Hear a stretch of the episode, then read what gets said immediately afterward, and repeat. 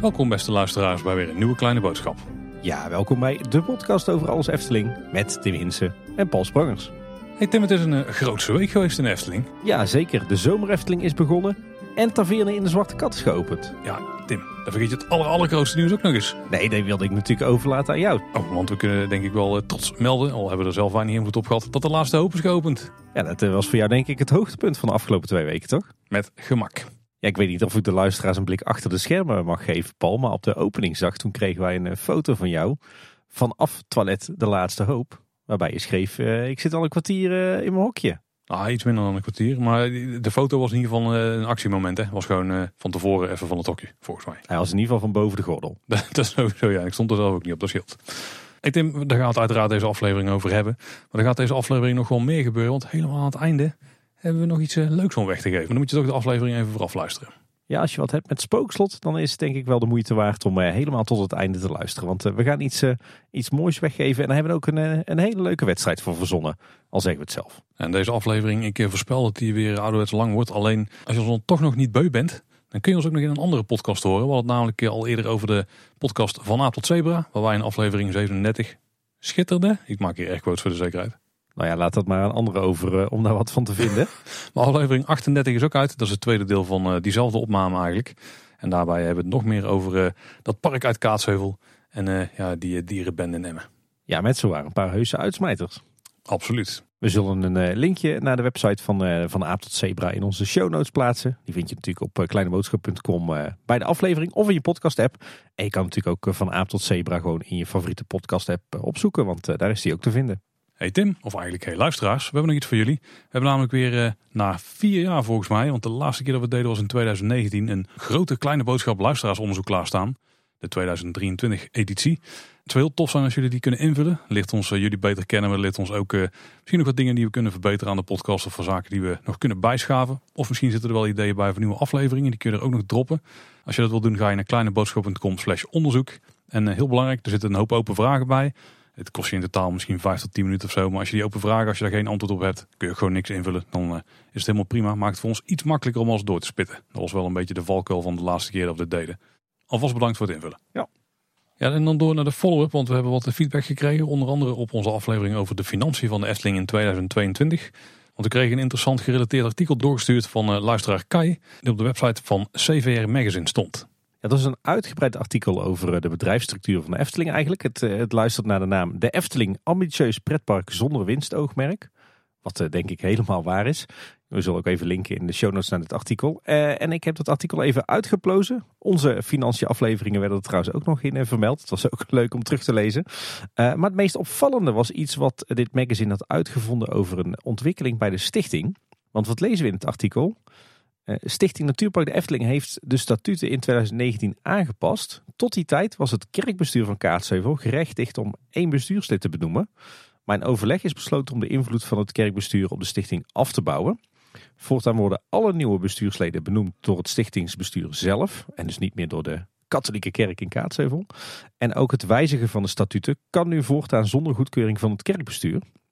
Het is dus wel goed om te beseffen dat tot 2019 dat dus het kerkbestuur van uh, de parochie hier in Kaatsheuvel nog zeggenschap had over de statuten van Stichting Natuurpark de Efteling. Tot 2019 hè. Uh, en nog iets opvallends, en hier schrok ik ook wel een klein beetje van. Daarnaast is besloten dat de aandelen van de Efteling BV, welke volledig in handen zijn van de stichting, uitsluitend mogen worden verkocht met instemming van twee derde van het voltallige stichtingsbestuur, de raad van commissarissen en de directie van de Efteling BV. En wat ik zo opvallend vond, is dat er uh, ja, voorheen altijd werd gezegd: de Efteling staat niet te koop. Maar blijkbaar is het wel degelijk dus een, een optie om de aandelen en daarmee dus het eigenaarschap van de Efteling te verkopen. Mits maar voldoende leden van de, de stichting, de raad van commissarissen en de directie voor zijn. Ik denk dat het in principe bij iedere stichting en organisatie zo is. Ik denk dat ze vooral bewust een hele hoge drempel hebben gemaakt, waardoor dit vrijwel onmogelijk is.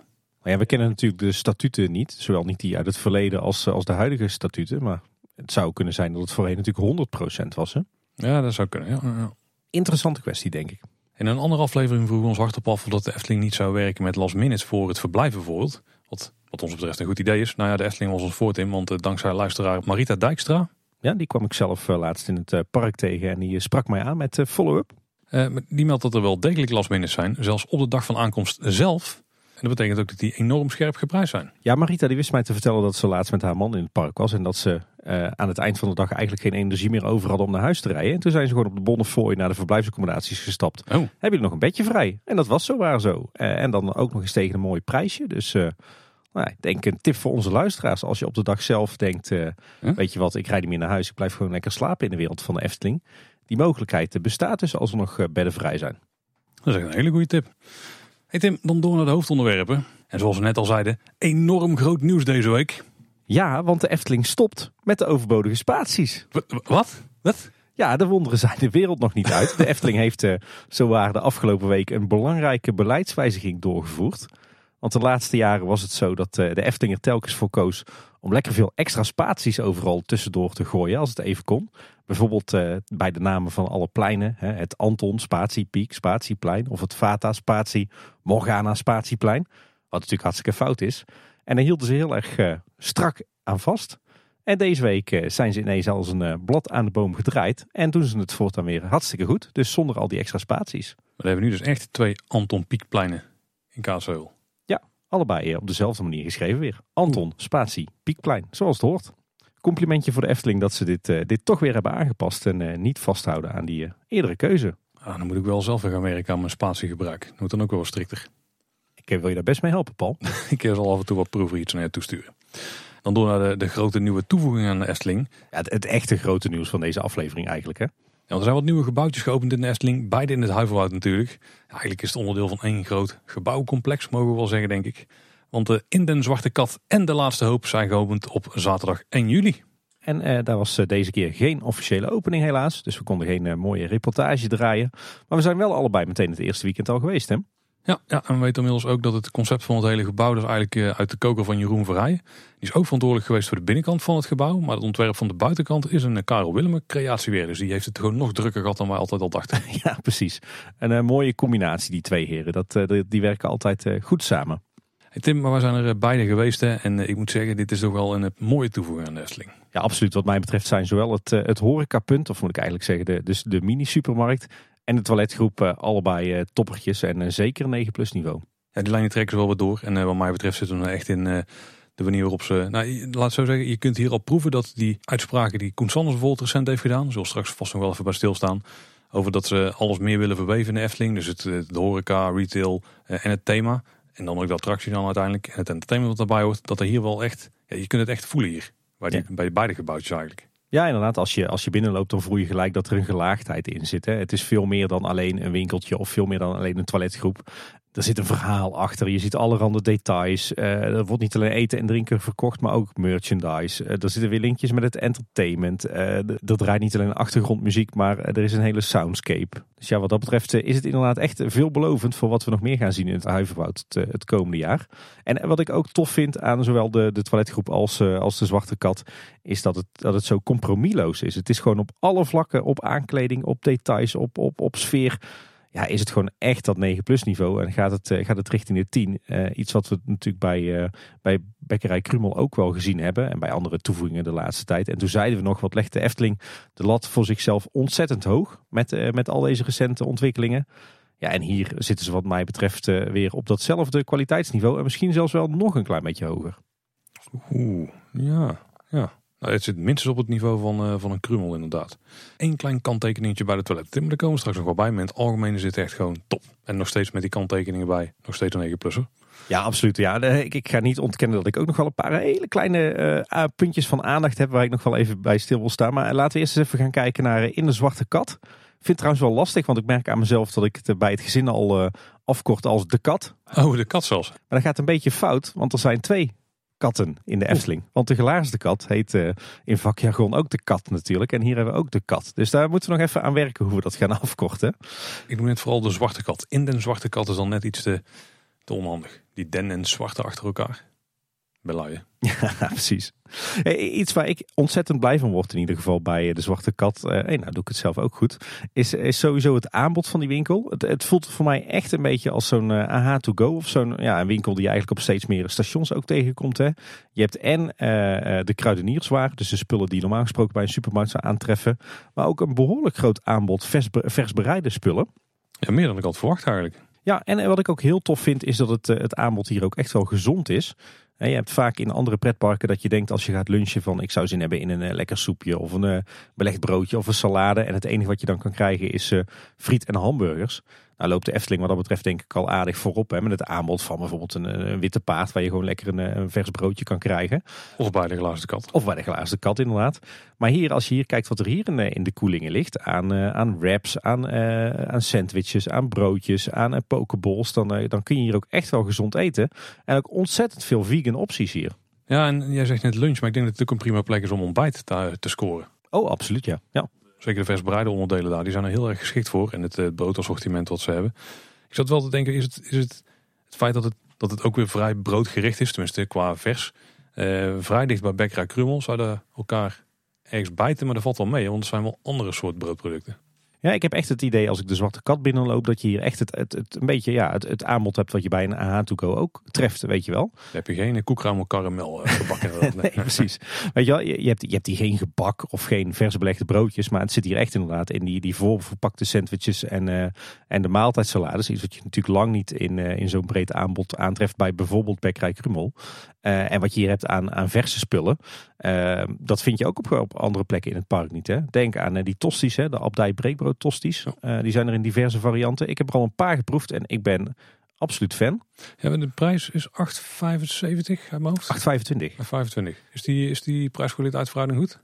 Uh, ja, want wat is nou leuk? Die, die Abdij breekbrood tosti is eigenlijk te groot om in je eentje op te eten. Ah, okay. Ik merk dat ik hem uh, al meermaals gedeeld heb met mensen. En uh, volgens mij kunnen er aardig met z'n tweeën van eten. Nou, dat klinkt wel oké. Okay. Ja, hij bestaat uit zes van die losse broodjes. En nou, als je er allebei drie neemt, dan heb je eigenlijk gewoon een volwaardige tosti op. Nou, dan heb je het over een tosti van iets meer dan 4 euro. Dat is prima te doen. Ja, en in Chico belegt dan een reguliere tosti, hè? Ja, absoluut. Ook in een vegan optie verkrijgbaar. Dus dat is ook heel, heel tof. Ja, wat wat mij betreft ook absoluut een hoogtepuntje is, zijn natuurlijk de, de verse afgebakken ketelkoeken. Ja, ja, afgebakt slash gestoomde ketelkoeken. Ja, dat is waar, daar heb je gelijk in. Volgens mij hanteerde de Efteling uiteindelijk dezelfde terminologie die wij daarvoor hadden bedacht. Wat was het ook weer? Volgens mij sappige, sappige brood of zo. En dat klopt ook wel. Ik moet zeggen, die heb ik dus op. En ik vind het echt een enorm smakelijke snack. Het is wel echt meer een snackvariant, zeg maar. Die een volwaardige lunch of zo. Het is eigenlijk niet super groot, maar uh, het, is lekker, het is lekker ja, sappig slash zompig deeg. Met erin wel vruchten verwerkt en zo. En het smaakt echt enorm goed. Ik moet zeggen, ik had als, als eerste lunch hier een halve tosti, een ketelkoek en een, een cappuccino van havermelk trouwens. Want die zijn hier nu ook te krijgen. En ik had buitengewoon uh, goed gegeten hoor. Dat klinkt als een waardige lunch, hè? zeker. Sowieso ook wel tof. Hè? Ze hebben hier dus die, die twee uh, unieke gerechten. Die breekbrood tosties en de ketelkoeken. Maar ook wel leuk is dat ze het vruchtensap ook uh, gethematiseerd hebben. Want het rode vruchtensap, daar hebben ze een, een speciaal etiket overheen geplakt met erop bloedsap. Wat natuurlijk ook mooi in het verhaal past hè. Inderdaad een specifiek Dans Macabre etiketje. En wat er verder nog vers bereid is in deze winkel, in ieder geval wat niet in de koeling ligt, is een behoorlijk breed assortiment ja, wat zullen we zeggen? Een zoete koeken of uh, ja. Op gebaseerd voedsel. maar ja, wat ik me kan herinneren is dat ze er vers afgebakken gevulde koeken hadden, kokosmacronen. Uh, er lagen bolussen die ze aanprezen als kaneelbroodjes, maar op de kassa dan toch weer bolussen waren. Dat vond ik een bijzondere. Uh, ook lekkere koffiekoeken. En je kon er zelfs gewoon, net als in de supermarkt, een zak met eierkoeken of een zak met krentenbollen krijgen. Dus dat is ook prima als lunch. En ook weer heel anders dan wat je bij Krummel kunt krijgen. Ja, en als je wel iets ongezond wilde, kan er ook hoor. Want je hebt er ook nog een hoop uh, snacks die je gewoon kunt scoren. Zoals uh, chips, ook Pringles trouwens. En zakken M&M's, Snelle Jelles en uh, Tony Chocolonely. En popcorn. Ja, en we zeiden het al eerder. er is ook een, een ja, je zou kunnen zeggen een retail aanbod. Hè. Dus er zijn ook wat zaken die je niet per se zou moeten opeten. ze verkopen er bijvoorbeeld mokken. waarschijnlijk ook om je drinken in, in te doen paraplu's en poncho's voor als het een natte dag is, maar ook bijvoorbeeld maandverband en leesbrillen. Dus het, uh, ja, het voelt echt als een mini supermarkt. Ik begrijp wel dat dit assortiment nog kan veranderen in de toekomst. Dat het waarschijnlijk met ieder seizoen een beetje aangepast zal worden. Ja, we, we zeiden het al, er staan ook enorm grote koelingen met daarin uh, echt een enorm breed assortiment aan uh, belegde broodjes en sandwiches, allerhande maaltijdsalades, wraps, pokeballs. Dus dat is echt top. En ook heel veel verschillende soorten koude dranken, waaronder heel wat, wat sappen. En verder staan er een aantal automaten voor chocomel, thee en, en koffie. Die dus zowel in normale melk als havermelk te krijgen is. En dat vind ik toch wel een, een toffe ontwikkeling in de Efteling op dit moment. Want dat heb je niet alleen hier, maar ook op andere plekken in het park. Ja, wat we nog niet vinden zijn de geluksbrengers en hartversterkers. Misschien zijn het gewoon kreten die in de kruidenierswinkel hangen die ze nooit gaan toevoegen aan het assortiment, maar wel beloven te verkopen. Maar misschien zit er nog een toekomstige signature snack in. Of misschien zijn die hartversterkers slash geluksbrengers wel dat bloedsap of zo bijvoorbeeld. Maar daar wordt het niet heel duidelijk uit de, uit de en het thema in de, in de winkel. Nou ja, je, ziet het, je hoort en je ziet het volgens mij op meer plekken terugkomen. Hè, op de blog, in making-ofs. Dus ik vermoed dat we hier nog wel echt producten eh, gaan krijgen die door de Efteling zelf ontwikkeld zijn. En die we hier kunnen gaan kopen. Maar misschien is het meer in de richting van een souvenir dan dat het eh, echt eten of drinken is. Ja. Maar al met al een, eh, een mooi breed aanbod. Iets wat we nog helemaal niet hadden in de, in de Efteling. Tenminste voor het overgrote deel niet. Prima inderdaad voor een ontbijtje of een lunch. En ik denk dat je met een aantal gerechten zelfs een, een aardige avondmaaltijd bij elkaar kunt sprokkelen. Dus ja, heel tof. En een mooie reïncarnatie van uh, het ware huis in het Carouselpaleis. Hè? De, de supermarkt die we natuurlijk in de coronatijd hadden. Die liep toen als een trein. Die werd door velen geprezen. En uh, nou ja, dat aanbod hebben ze hier nu vol vast. En ik denk een hele ontzettend slimme toevoeging. En uh, in ieder geval bij ons in het gezin ontzettend populair. Want ik vind het eigenlijk wel prima om gewoon lekker een gezond broodje of een salade te eten als lunch. Nou, voor iedereen die het zelf nog niet heeft gaan schouwen, misschien moeten we er even doorheen lopen hoe het nou allemaal precies eruit ziet. Want als we dus eh, aankomen lopen vanaf Max en Moritz, dan lopen we eigenlijk het gebouw eerst voorbij, want het gebouw ligt aan onze linkerhand. En dan loop je eerst langs het oude terras van het Silent Fregat. Daar ligt er nog steeds, dat is het terras nu van. Dit uh, etablissement. En dan ga je links de hoek om en dan heb je eigenlijk twee grote deuren waarvan er één dicht is. De linker kunnen we doorheen lopen. En dan betreden we het gebouwtje. Dan gaan we dus onder die banier door die zo half over de voorgevel gedrapeerd is. En uh, dan komen we binnen en dan rechts van ons vinden we meteen de koffieautomaten. Dat is gewoon zelfservice. Hè? Waarschijnlijk staat er wel af en toe om bij om te helpen als je er niet helemaal uitkomt. Zeker. Uh, maar daar kun je dus gewoon uh, je beker pakken en die vullen. Links van je een meter of anderhalf nadat je de deur bent, daar begint eigenlijk de balie. Daar zie je dus de waren uitgestald staan. Daarachter zijn ook de ovens volgens mij nog een stukje backstage daar. Maar daar heb je in ieder geval um, de, de balie waar, alle, waar al het vers assortiment ligt uitge, uitgestald. Ja, en dat zeg maar als het ware verdeeld tussen een warmhoutkast waarin de tosties liggen en, en eigenlijk gewoon een soort toonbank waar je de verschillende soorten koeken hebt. En het leuke is dat eigenlijk dit buffet, dat het is weer is vormgegeven als de, ja, de bar van de oude taverne. Hè? Want uh, tegen de achterwand heb je hele mooie geglazuurde tegeltjes met een grote spiegel. En boven aan het plafond, uh, aan de, de planken die hier naar beneden hangen, daar hangen allemaal uh, ja, zeg maar kroezen. allerhande soorten verschillende drinkbekers. Die waarschijnlijk van de stamgasten van de oude taverne waren. Dus dat is een, een fantastische knipoog naar het feit dat dit eigenlijk een taverne is die opnieuw gebruik is genomen, maar nu als supermarkt. Ja. Moet je zeker even omhoog kijken als je, als je hier je eten gaat halen. Dat moet je sowieso overal doen. Want als je bijvoorbeeld binnenkomt en kijkt links naar boven, dan zie je daar ook nog wat koffers liggen waar violen en zo in zitten, zaden. Dat weten we niet. Maar ook nog een verwijzing op lijkt te staan naar eh, Den Heckerty. Waarvan we de naam natuurlijk vroeger op een eh, grafzerk zagen prijken in het spookslot. Uh, als je daar dan een beetje onder kijkt, want die ligt dan een beetje bovenop zo'n zo'n kist die daar hangt. Zal iets van beluchting of zo in zitten. Dan zien we ook nog een mooie schilderij hangen, Tim. Ja, en dat is natuurlijk het galjoen, het zeilschip wat we vonden bij Matroos Gijs. Hè? Was het ook niet het schip wat stond afgebeeld op het bord van een Silent Fregat? Dat zou zomaar kunnen, ja. Ja, maar het, is, het is echt letterlijk het bord van Matroos Gijs. Oh, dus oké, oké. Het is gewoon één op één hier teruggeplaatst, als het ware als museumstuk in de winkel. Ik weet niet of het trouwens altijd zo is, maar je, die, die ketelkoeken die worden ook gebakken in uh, van die vormen. En die vormen stonden toen ik daar binnen was ook uitgestald op de balie van uh, hier zitten die ding in. Misschien dat je dan uh, kunt zien hoe ze een beetje tot stand komen. Als we de balie voorbij lopen, dan lopen we eigenlijk recht tegen de, de koeling aan. die zit dan aan de wand tegenover de wand waar je binnenkomt. Nou ja, links daarvan van de koelingen zit ook nog wel een heel tof element. Want daar heb je een soort wandkast met daarin wat kruideniers waren. Volgens mij liggen daar de chips. En die kast die doet een beetje denken aan een gotische kerk. Want die bestaat uit drie onderdelen met alle drie zo'n gotische spits. Uit hout gemaakt. Echt super gaaf. dat heb ik nog niet eens gezien. Ik moet er eens goed gaan opletten daar. En als we dan dus de bocht omgaan, we houden de koeling links. Dan kun je eigenlijk weer de winkel uitlopen. Daar is dan de uitgang die aan de andere kant van het gebouwtje weer zit. Dus als je dan vanaf de hoofdingang de hoek om was gegaan. Vanuit daar kun je vrij makkelijk naar de toiletten. Daar vinden we ook die hele gekke houten schutting buiten. Ja, met een aantal hele toffe verhaaltechnische verwijzingen. Hè? Want het grappige is, eh, als je voorbij die schutting loopt en je loopt richting de toiletten van eh, de laatste hoop, dan zie je dat een aantal planken eh, als het ware zijn hergebruikt. Op één plank zien we namelijk de resten van de tekst taverne geopend en op de andere plank kamers te huur. Dat zijn natuurlijk oude bordjes uit de tijd dat het nog echt een taverne was. Maar ja, die had de familie Charlotte dan natuurlijk niet meer nodig op het moment dat ze dit gebouwtje omvormden tot een, een verkooppuntje. Dus hebben ze er maar een schutting van getimmerd. Natuurlijk superleuk qua storytelling. Het blijft een beetje een vreemd schuttingje wel. Ik denk dat hij vooral is bedoeld is dat mensen in het plantsoen daar gaan lopen. Maar de aandacht die eraan besteed is, die heeft wel het idee, of in ieder geval de indruk, dat het er wel langere tijd gaat staan. Absoluut. Hey, nog even terug naar die winkel. Ik weet niet of het, of het jou ook opviel, Paul. Maar ik, ik schrok best wel van de grootte. Want het was dus een stuk kleiner dan ik het me al die tijd had voorgesteld toen ik binnenstapte.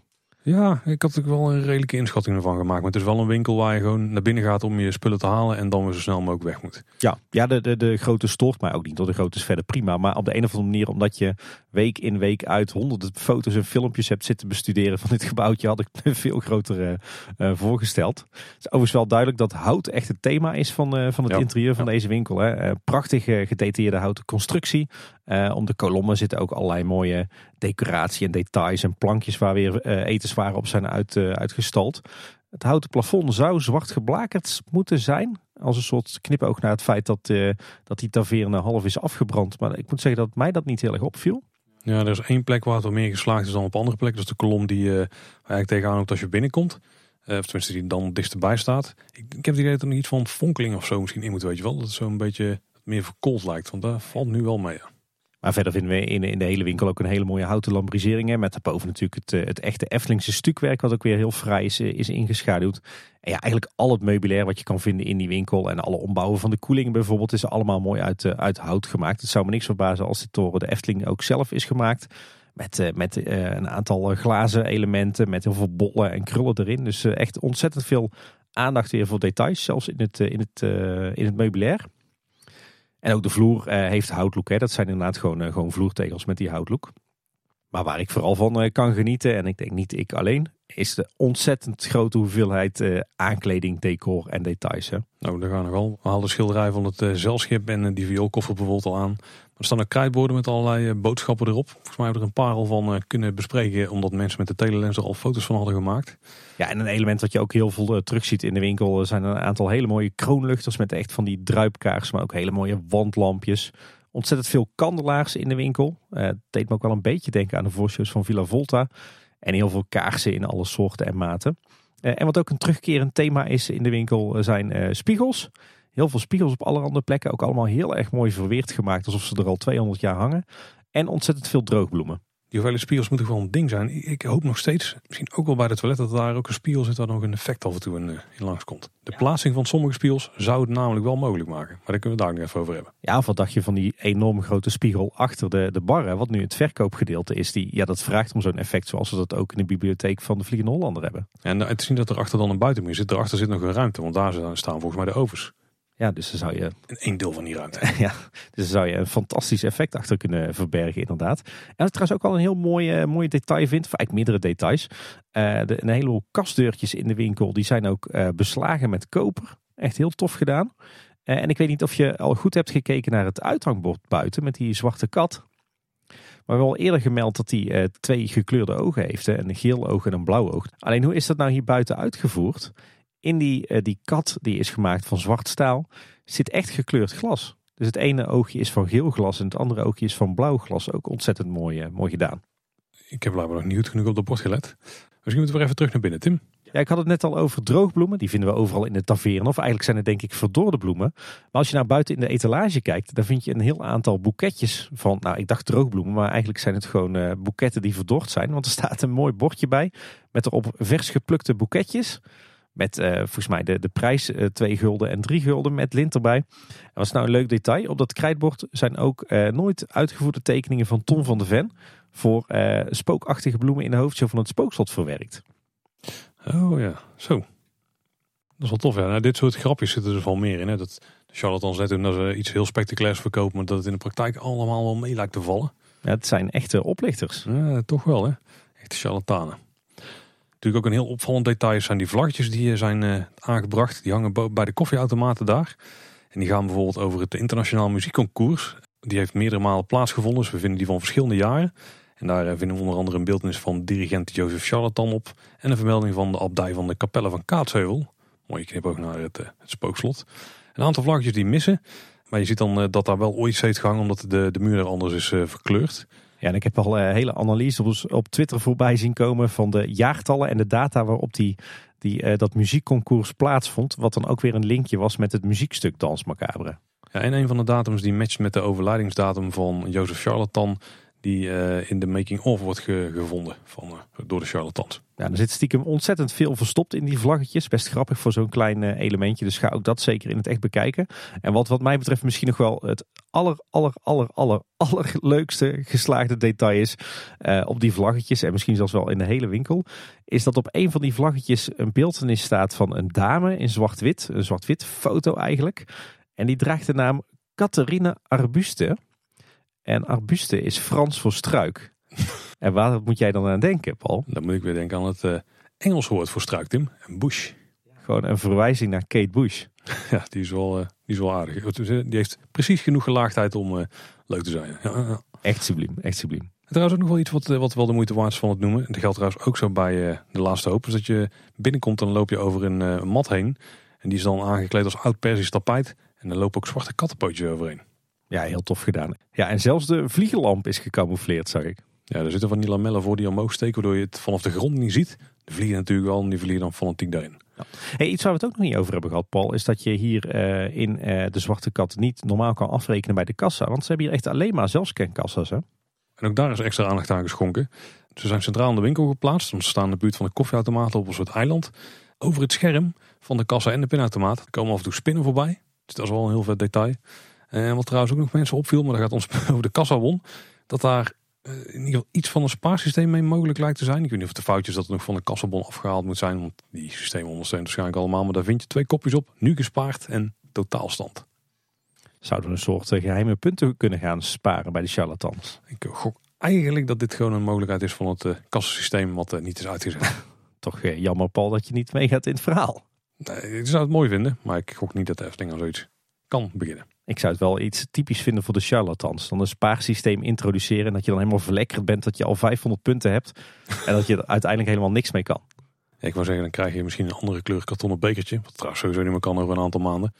Maar de meeste fans zouden het daar nog wel wat doen ook. dat denk ik wel, ja. En we hebben het nou gehad over alles wat we kunnen zien in de winkel. Dat is nog een heel erg belangrijk element wat je in de, de winkel hebt. Buiten dan de geur die er hangt. Want als er vers gebakken brood uit de oven komt, dat is sowieso al prima. Oh, in combinatie met al die koffieautomaten die daar staan te dampen. Ja, ja, Maar we hebben het natuurlijk over de muziek en de geluids- slash lichteffecten die er plaatsvinden. Want sowieso het lichtplan daar is ook weer echt super mooi. Misschien bij de laatste hoop nog wel mooier. Maar het lichtplan is dus echt top hier in de winkel. En je, je ziet ook de flakkerende kaarsjes en zo, weet je wel. Maar er is ook continu een soundscape en muziek die je hoort. Ja, die is echt fantastisch. Ik ben echt bewust gewoon in de winkel gaan staan. Uh, gewoon puur om te luisteren naar die muziek. Echt heel tof. Hele ja, stijlvolle klassieke muziek. Beetje spooky. En af en toe zit er een heel mooi stukje vioolspel doorheen. Ik heb ook wel het op punten misschien een, een, tweede melodie horen die we ook in attractie van een wachtrij of in de, de, omgeving of zo gaan horen. Ja, we horen hier natuurlijk, dit is deel van de omgeving.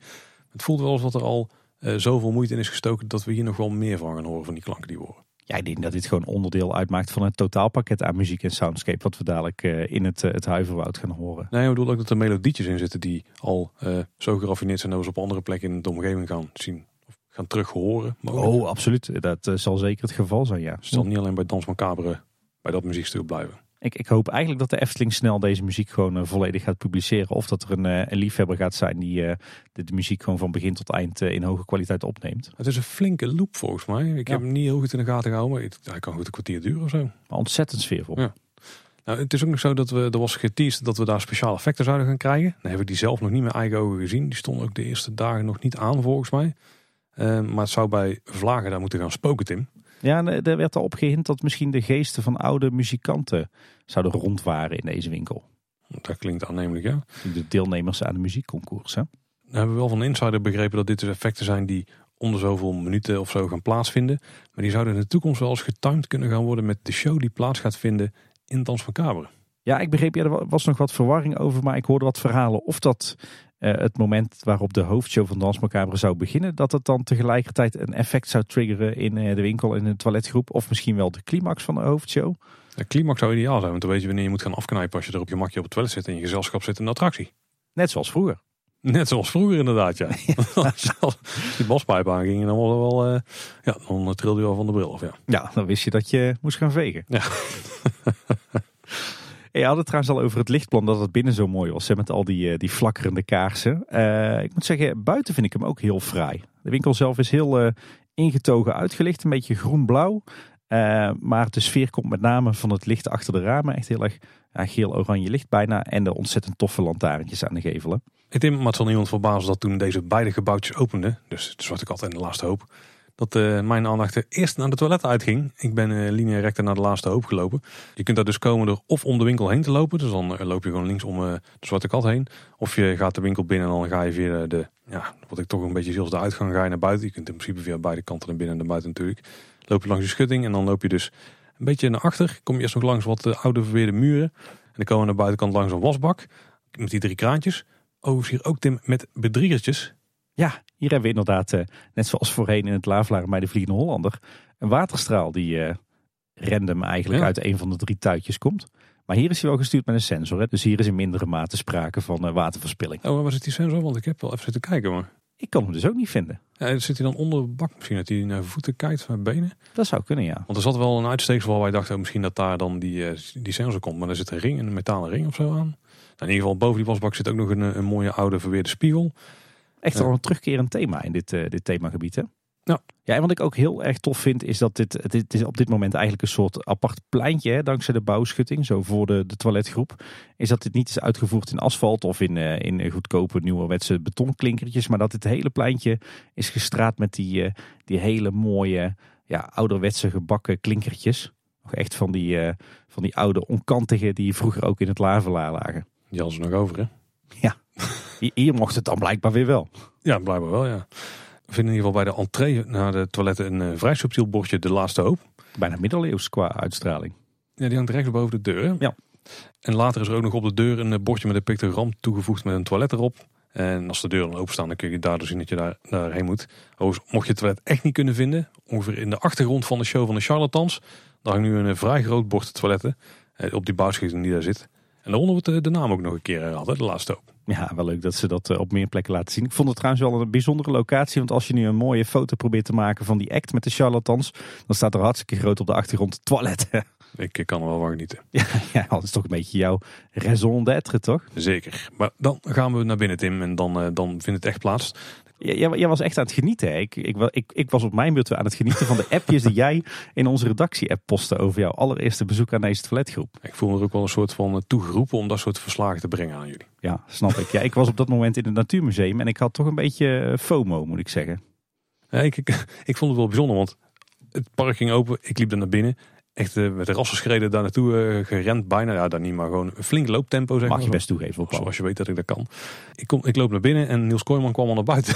dus ik weet niet hoe die dat voor elkaar had gekregen. Ik denk dat hij gewoon een hotelovernachting heeft geboekt om ja, om half tien te staan. dat zou zomaar kunnen, ja. Werd je niet door mensen aangesproken of aangemoedigd? Nee, naar de rand, naar de rand pas. Ja, trouwens wel op de heenweg wel. Ja, jawel, jawel, jawel.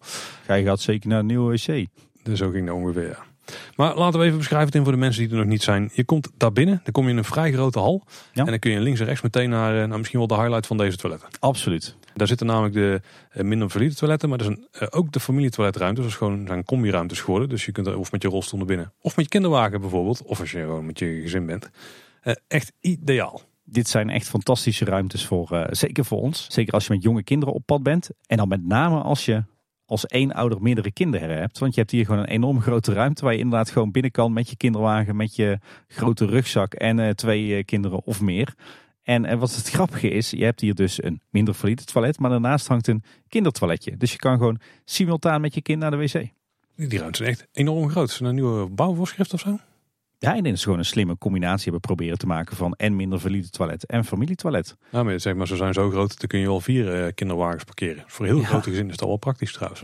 ik vond het wel handig inderdaad. Wij zijn uh, gewoon gezellig met z'n vieren naar het familietoilet geweest hoor. Het, het, zijn er ook twee, tot mijn verbazing. Links en rechts één. Zitten wel een klein beetje verstopt en de pictogrammen zijn ook niet per se heel duidelijk. Maar dat heeft als grote voordeel natuurlijk dat dit wel een beetje een uh, verborgen pareltje is qua nou, toiletbezoek. Zeker. Voor zover dat bestaat. Ja.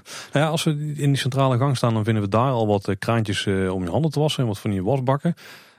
En als je dan doorloopt, dan wordt de ruimte in één keer een stuk breder. Want dan zijn we natuurlijk die minder toiletten en een paar dienstenruimtes voorbij. En dan hebben we eigenlijk drie gangen. Dus eentje links, eentje midden en eentje rechts. En de meest linker die heeft dan twee rijen met toilethokjes. En daar zitten ook twee kindertoiletten bij. Met van die verlaagde deur en die kleine toiletpotjes. Zoals we ook vinden in station De Oost.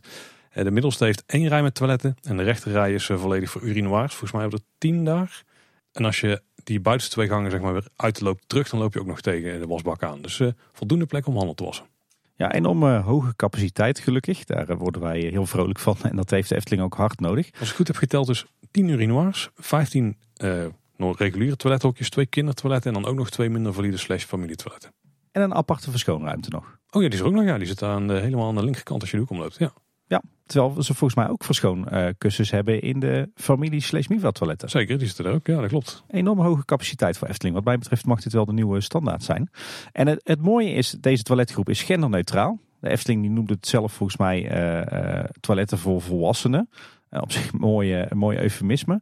Maar ondanks dat er dus geen mannen- en geen vrouwengedeelte is, merk je toch dat vrouwen heel erg geneigd zijn om naar links te lopen. Naar die ruimte met alleen toilethokjes. En mannen heel erg geneigd zijn om naar rechts te gaan de ruimte waar de urinoirs en de toilethokken zijn gecombineerd. Maar dat is natuurlijk helemaal niet verplicht.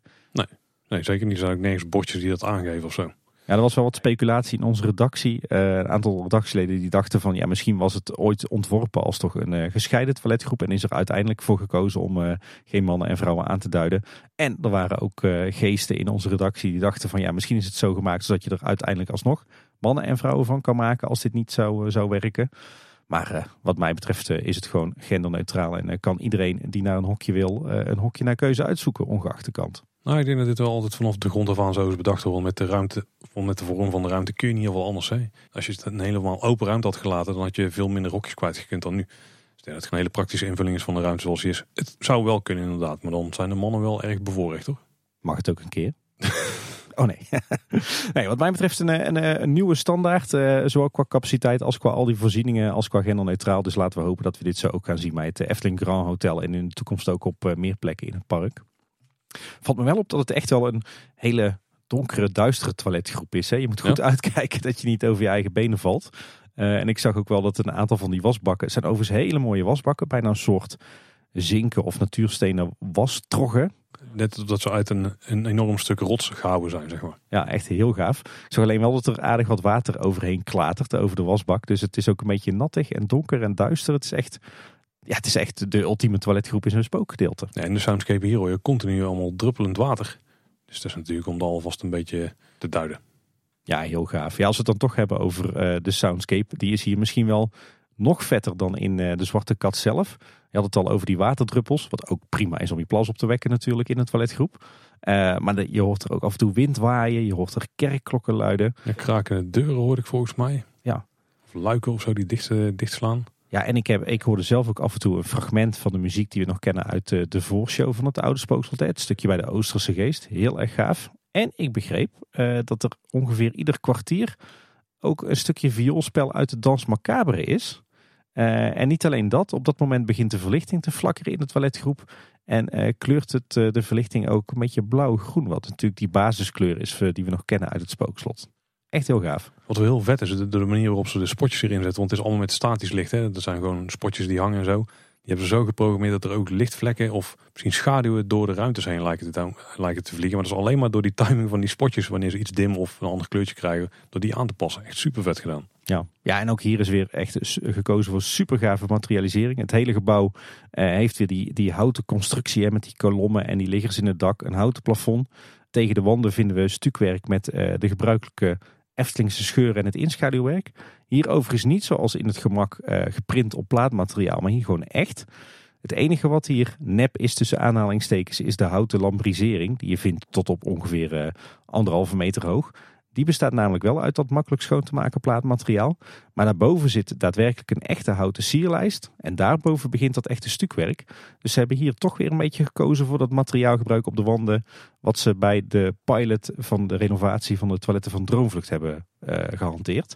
En niet, zoals bij de recente uh, renovatie van die drie toiletgroepen, dat de wand volledig gewoon uit plaatmateriaal bestaat. Ja, de schotten tussen de toiletten die hebben er wel volgens mij. Die zijn wel volledig van het plaatmateriaal. Maar de deuren zijn dan wel weer echt gewoon van uh, ruw hout. Ja. Ja, en ook de achterwand hè, waar je het toilet tegenaan ja, hebt. Ja, de, de, maar die heeft dan daarboven dat stukwerk zitten. Het voordeel is natuurlijk dat je dan eigenlijk het beste van twee werelden hebt. Het ziet er super goed uit. Ja. En het is praktisch om schoon te houden. Ja, wat mij betreft ook de nieuwe standaard. En verder is eigenlijk alles in deze toiletgroep in thema. En wat dat betreft hebben ze echt gekozen voor het niveau toiletten Flaming verder. Prachtige spiegels ook weer hier. Prachtige lampjes. Uh, misschien nog wel mooier in de toiletgroep dan in de winkel. En zelfs de urinoirs zijn uh, ouderwets, hè? Het was bijna dat ik weer terug was op de middelbare school in Waalwijk. Nou, dit was misschien nog wel ouder, die, die vorm van urinoirs hier. Ja, echt porseleinen urinoirs eigenlijk, hè? Ja, van die die bijna vlak tegen de wand aan zitten met zo'n klein uh, kommetje wat dan uitsteekt, zeg maar. Ja, echt uh, ontzettend mooi. Je zal ze denk ik tegenwoordig ook weer gewoon nieuw kunnen kopen in deze uitvoering. Maar wel. heel erg tof dat ze daar zoveel moeite voor hebben gedaan. Ja, het is gewoon van, van begin tot eind helemaal in thema. Zelfs alle signingen. Het zijn allemaal gewoon hele kleine schildjes met daarop met pictogrammen weergegeven welk, uh, ja, welke functie je waar vindt in deze toiletgroep. Dus we moeten de pictogrammen misschien nog wel een keer goed uh, evalueren. Want je hebt een paar van die pictogrammetjes van een toiletpot. En dan staat er een pijltje bij van dat is de hoek om. Of dat is naar links of naar rechts. En maar je hebt ook een pictogrammetje van uh, iemand die zijn kind aan het verschonen is. Maar daar staat een pijltje bij wat net de indruk wekt dat je je kind van de verschoontafel af moet kieperen. Ja, dat mag volgens mij niet. Dat zal niet de bedoeling zijn, denk ik. Nee, ik verwacht sowieso al dat we hier nog meer signing gaan zien. Hoor, want het is nu allemaal heel subtiel uitgevoerd. Uh, en het is zo'n grote donkere ruimte. Ik denk dat uh, de, de, onervaren toiletbezoeker hier uh, de weg misschien kwijtraakt. De meeste mensen hebben toch wel wat ervaring met toiletbezoeken, denk ik. Daar zit ook wel weer wat in, ja. Tim, niks is zo perfect dat het niet bekritiseerd kan worden. Hebben we nog wat de kanttekeningen die we willen plaatsen bij het geheel wat we hebben aangetroffen? Ja, eigenlijk heb ik op de laatste hoop helemaal niets aan te merken. Ik vind het echt fantastisch. En in de Zwarte Kat ben ik ook ontzettend uh, gelukkig mee. Ook echt een uh, sublieme winkel en een fantastische aanvulling op het aanbod van de Efteling. Ik heb daar nog wel een paar hele kleine verbeterpuntjes. Maar dat is echt ja, om het van een 9,5 naar een 10 te krijgen. Iets wat ik heel erg miste in de winkel. En met mij volgens mij velen. Ehm, was een dienblaadje. Want er zijn geen oh, dienbladen in de winkel. Terwijl je loopt toch al snel met beide handen vol. En dan sta je daar in die winkel met in de ene hand hete koffie en in de andere hand een tosti. En dan moet je gaan afrekenen. Nou ja, goed. En dan zit je al te goochelen van waar zet ik nou mijn spullen neer terwijl ik wil betalen. Maar als je nog net wat meer hebt, wat denk ik wel de bedoeling is. Ja, dan heb je aan twee handen niet genoeg. Dus ik, ik hoop dat ze heel snel hier dienblaadjes gaan invoeren. Uh, verder miste ik bij de tosties nog uh, de optie van gewoon een tosti kaas. Je hebt wel een tosti caprese, hè? dus dan is het mozzarella met, eh, met pesto en dergelijke. Maar gewoon zo'n breekbrood tosti uh, zonder ham met alleen kaas. Die hebben ze niet. Ik vroeg ook aan het personeel van kunnen jullie die maken, maar dat was niet de bedoeling. Dat lijkt me toch wel een, uh, een gunstige aanvulling voor het assortiment, want veel kinderen lusten alleen maar tosti kaas. Ik merkte in de praktijk dat het toch ook best wel voor meer veel mensen wennen is aan zo'n zelfscankassa. Het is natuurlijk steeds meer gemeengoed en ik denk dat, dat wij jonge Nederlandse mensen er ook prima mee om kunnen gaan. Maar ik zag toch ook wel wat oudere mensen en ook wat mensen van buiten Nederland die ja, eigenlijk nog helemaal niet klaar waren voor het fenomeen zelfscankassa. En echt heel erg behoefte hadden aan gewoon ouderwets afrekenen. Dus misschien dat er toch nog ergens in die winkel een soort backup kassa mm, ja, kan worden toegevoegd. Waar mensen die niet bij de zelfscankassa kunnen of willen afrekenen ook terecht kunnen. Bijvoorbeeld met cashgeld, want dat kan hier ook niet. Ja. En ik merkte dat het personeel ook uh, ja, nog echt wel zoekende was. Maar goed, dat is natuurlijk heel logisch voor zo'n uh, zo'n openingsweekend. Hè? Wat ik nog een beetje mis is echt iemand in de functie van gastheer of gastvrouw die echt uh, ja, zeg maar de, de mensenmenigte in de winkel in de gaten houdt en echt proactief op mensen afstapt van uh, kan ik iets voor u doen? Kunt u alles vinden? Zal ik u even helpen met het koffiezetapparaat? Dat, dat zat er nu nog niet echt in, moet ik zeggen. Maar goed, dat zijn, of het zijn opstartprobleempjes of het zijn echt nog kleine details. Maar verder ben ik ongelooflijk gelukkig met, met deze toevoeging. En uh, jij Paul, is bij jou een, eh, een 10 of uh, ga je voor de 9,5? Ik had op de Zwarte Kat eigenlijk geen opmerkingen, maar een aantal van de punten die je noemt, kan ik me zeker in vinden. Dienbladen is al heel praktisch daar, ja. En iets van een gast, zou ook wel tof zijn. Ik heb een paar kleine dingetjes bij de laatste hoop. eigenlijk twee. En het eerste is dat de verschoonplekken zijn nogal sumier, zeg maar. Een beetje simpel of zo. Het zijn gewoon die ja, houten blokken met zo'n kussen erop. Maar er is niks van extra, je hebt geen, niks van wat extra papier of zo, zoals je bij het Witte Paard hebt. Het is vooral dat de, de blokken zien er nogal, nou ja, die hadden overal kunnen staan bij wijze van spreken. En waar we soms wel zeggen dat de Efteling wel eens door kan slaan met het thema toevoegen, vond ik het bij de laatste hoop misschien zelfs iets te sumier. Het is bijvoorbeeld niet helemaal duidelijk van waar ben ik als ik er binnenkom. Ben ik dan in de stallen of zo? En dan zou het zomaar kunnen zijn. Zeker als je de kindertoiletten ziet, dat je zo'n paardenbox uh, ja. daar in de vecht hebt zien staan. Dus ik kan nog wel iets verwachten van een poster of zo. Of, of misschien wat oude verweerde stukken papier aan... Uh, aan wat wanden die, die nog wel ja, kaal zijn, zeg maar. Uh, waar, waar dan dat iets meer meekreeg of zo van waar ben ik nu precies in beland. Zou dit straks niet gewoon uh, een onderdeel ook kunnen zijn van het koetshuis? Ja, zou zomaar kunnen, ja. Of, of inderdaad, in het koetshuis staan de koetsen. Is dit misschien de oude paardenstal? Ja, nou, nu wordt het in ieder geval niet echt uh, ergens duidelijk voor ons. Ik zou het voor de, voor de ruimte denk ik wel mooi vinden als er nog iets van... Nou, laat het posters of zo zijn, weet je wel. Je daar een beetje half, half bladerend aan de muur hangen of zo. Wordt het dan niet een beetje te veel van het goede? Gaan we dan niet richting storytelling? Ja, nu, nu mist het gewoon compleet. Nu heb je niks van Hmm. de story daar. Ja, het is alleen de soundscape, zeg maar. Maar waar ik ben precies is me niet duidelijk.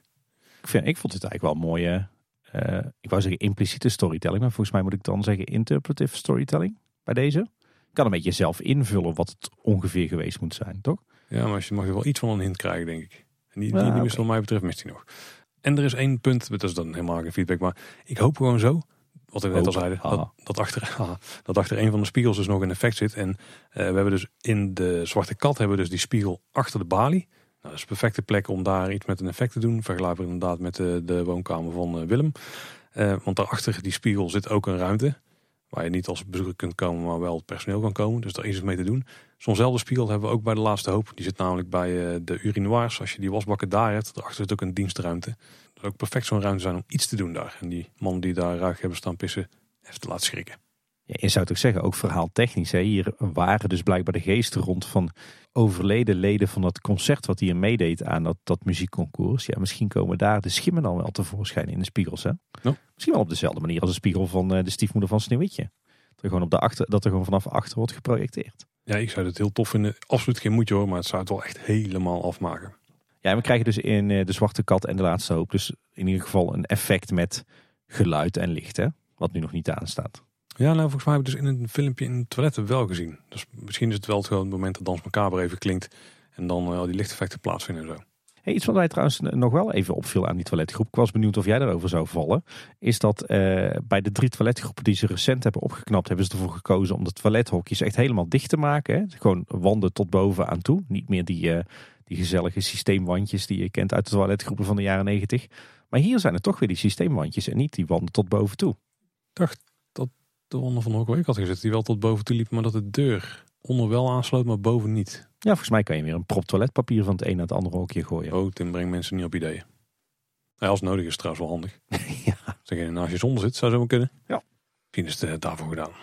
Maar al met al, sublieme toevoeging toch? Zeker, zeker. En eh, zeer hoopgevend voor eh, de rest van Huiverwoud, als we daar al niet eh, enthousiast over waren. Waar ik dan misschien rondom Huiverwoud wat minder enthousiast over was, Tim, dat was eh, de making-of, het derde deel daarvan. Ja. Daar kunnen we denk ik vrij kort over zijn. ja, die stond eigenlijk heel in het teken van de opening van de Zwarte Kat. Hè? Ja, ja, ja nou, uiteindelijk is het veel leuker om natuurlijk zelf rond te lopen. Dat kon ongeveer ook op het moment dat die eh, making-of uitkwam. En het was vooral fijn dat Henk erin zat. Maar ze hebben hier ook weer gekozen voor dat steltje met het, het acteren naar elkaar toe, zeg maar. Dat ze niet gewoon in de camera praten, wat toch wel beter werkt in de praktijk. Ja, dat is iets nieuws in de video's van de Efteling de laatste tijd. Hè? En in plaats van dat gewoon iemand vertelt over dit project, bijvoorbeeld een Henk of een projectleider of een bouwvakker, zie je een gesprek tussen twee medewerkers van de Efteling die aan elkaar aan het vertellen zijn wat ze aan het doen zijn. Ja, alsof ze het niet weten inderdaad. En dat, dat, dat is dan denk ik omdat het dan minder gemaakt overkomt of zo. Maar het komt juist gemaakt over. Want waarom zouden twee projectteamleden tegen elkaar vertellen wat ze aan het doen zijn? Ja, hoe ze dingen uitmaken en dat soort dingen. Ja, alsof, alsof je Henk nog moet uitleggen hoe je een Eftelings bouwwerk maakt. Ja, en dan zitten de charlatans er ook nog in. En de, daar kan ik zo moeilijk mijn aandacht bij houden. En daardoor krijg ik ook echt helemaal niet mee wat er in een verhaal gebeurt. Maar nou, zal wel. Ik, ik hoop in ieder geval dat we straks gewoon een, eh, een basisverhaallijn eh, hebben die in twee, drie regels te begrijpen valt. En dat er dan een heel verhaal nog achter zit waar je in kunt verdiepen. En waar vast ook nog een boek van uitkomt. En vast ook nog wel veel meer video's en een website. Eh, ja, nou ja, dat is dan leuk voor de, de liefhebbers die eh, zich daarin verdiepen. Ja, ik krijg steeds meer het idee dat dit eh, hele making-of stuk alleen maar is om de charlatans een beetje te laden. Zeg maar wat, hun dan zijn. Maar dat ze dadelijk vrij weinig te maken hebben met het verhaal wat we gaan ervaren als we de abdij en zo ingaan. We zien, ze, we zien wel wat graven van, voor, van voorouders en zo liggen straks natuurlijk. Maar dat het daar ook wel bij blijft. Hm, daar durf ik nog geen slag naar te slaan. Nee, ik kan het ook niet meer zekerheid zeggen. Ik hoop het een beetje, ik hoop het een beetje. Ik denk, er is ook een eh, bijzondere vergunningsaanvraag gespot die mogelijk iets met dit gebied te maken heeft. Weten we niet zeker. Maar er is een eh, aanvraag ingediend voor het milieuneutraal wijzigen van een nog aan te leggen vloer van een attractie. Ja, dit was wel zo'n wazige omschrijving. Ik weet niet waar dit over gaat. Nog aan te leggen vloer, die ga je wijzigen? Of ze gaan een neut- milieuneutrale wijziging doen aan het plan voor? Ik weet niet eens wat het betekent. Ik kan die zin niet eens ontleden. Ja, volgens mij milieu- milieuneutraal wijzigen betekent dat je eh, iets doet waar je geen milieuvergunning voor nodig. Of waar je de milieuvergunning die je al hebt niet hoeft aan te passen. Dus dat zegt eigenlijk niks over wat je gaat doen. Alleen dat de aanpassing die je doet, dat die niet zoveel impact heeft. Dat je een, nieuwe milieuvergunning moet aanvragen. Maar eh, ik kan me voorstellen dat er een keer een bouwvergunning is aangevraagd of verleend voor uh, bijvoorbeeld Dans Macabre. En dat ze nu in een later stadium alsnog hebben besloten om een vloer net iets anders uit te voeren. En dan moet je je aanvraag uh, wijzigen of een nieuwe aanvraag indienen met, met een gewijzigde opzet. En ja, daar zou dit dan de vergunningsaanvraag voor kunnen zijn. Maar het, ja, het zou in principe ook iets heel anders kunnen zijn. Het, het, ja, eh, het zou ook zo kunnen zijn dat bij het onderhoud van een attractie dat er ergens een nieuw vloertje wordt gestort of zo. Nou, ik denk dat we hier dus nooit achter gaan komen. En dan de stand van zaken van het bouwproject wat uh, daar nu nog plaatsvindt. Natuurlijk Dans Macabre, al gaat het koetshuis waarschijnlijk ook ergens beginnen, denk net na de zomer. Oeh, daar heb ik nou ook echt wel zin in hoor, na de opening van de Zwarte Kat. Uh, zou die gefaseerd open ook eerder? Dat denk ik niet, ligt net iets te ver weg denk ik van dit. Ik zou het wel gewoon doen als ik Efteling was hoor. Oh, als ik de Efteling was zou ik het ook doen. Al is maar dat wij dan daar kunnen gaan kijken ja, precies. Maar er was toch laatst die, die, die aparte vergunningsaanvraag voor een luikverkoop. Ik ben er wel vrij zeker van dat die voor het koetshuis is. Nou ja, ik, ik hoop dat ze die ook naar voren trekken in de planning hoor. Dat die ook ZSM open gaat. Nou ja, als die, die vergunning die we laatst hebben besproken, als die daarvoor is, dan duurt het nog drie weken voordat die wordt gegund. Uh, als er geen bezwaar is, wat allemaal mee zal vallen. Dus dan kunnen ze voor de bouwvak beginnen, dat lijkt me sterk. Gaan maar even terug naar, het, eh, naar de abdij, naar het Dans Macabre, het hoofdgebouw zelf.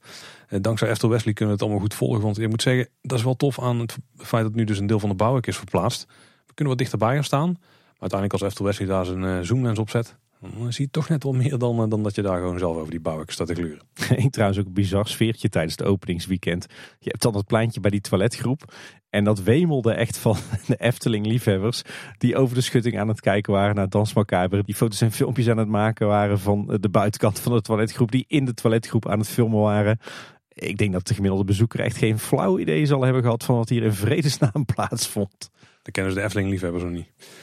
En nou, het erover hebt, die plek waar al die mensen stonden te kijken, geeft wel aan wat voor een belangrijke plek de entree van de laatste hoop is in het hele plan.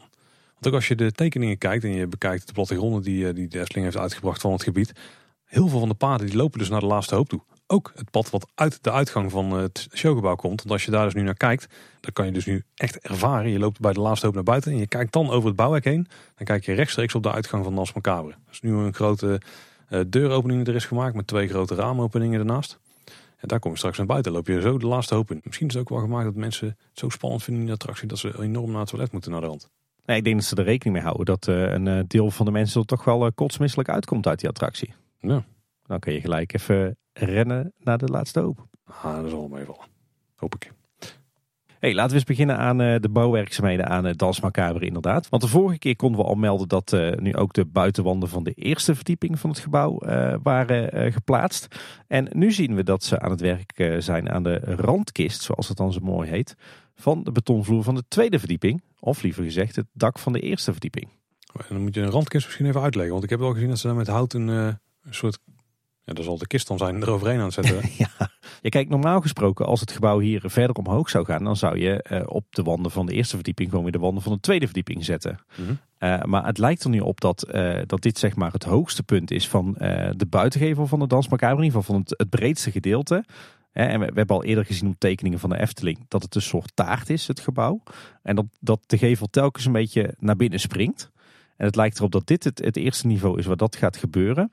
En daarom uh, wordt er hier geen uh, extra verdieping meer op de buitengevel gezet. Maar er moet natuurlijk wel nog een betonvloertje, een, zeg maar als het ware het dak, op die eerste verdieping worden gestort. En dat doen ze gewoon met beton uit de betonwagen. Maar om te voorkomen dat het beton vanaf die tweede verdiepingsvloer langs de buitengevel naar beneden stort en de kist leegloopt, maken ze zeg maar gewoon van houten planken uh, een soort ja, bekisting en daar storten ze straks gewoon het beton ah, oké. Okay. Kijk. Ja, dus de buitenrand die er nu staat, dat is het hoogste punt van de, de buitenste muur. Maar er kunnen natuurlijk nog wel wat thema-elementen zo bovenop komen. Ja. Wat we verder nog zien uh, op de bouwplaats is dat er uh, heel wat uh, prefab betonkolommen zijn geplaatst op de eerste verdieping. Hè. Die, die gaande rij waar straks waarschijnlijk de wachtrij gaat komen. En dat er ook een enorme doorgang zit in de buitenwand op de eerste verdieping. Aan de zijde van, van Fabula. Uh, dat is eigenlijk ter hoogte van dat, dat gebouwtje wat ze daar tegen het, uh, het ronde showgebouw aan hebben gezet. Ja, bovenop dat gebouwtje hè? Ja.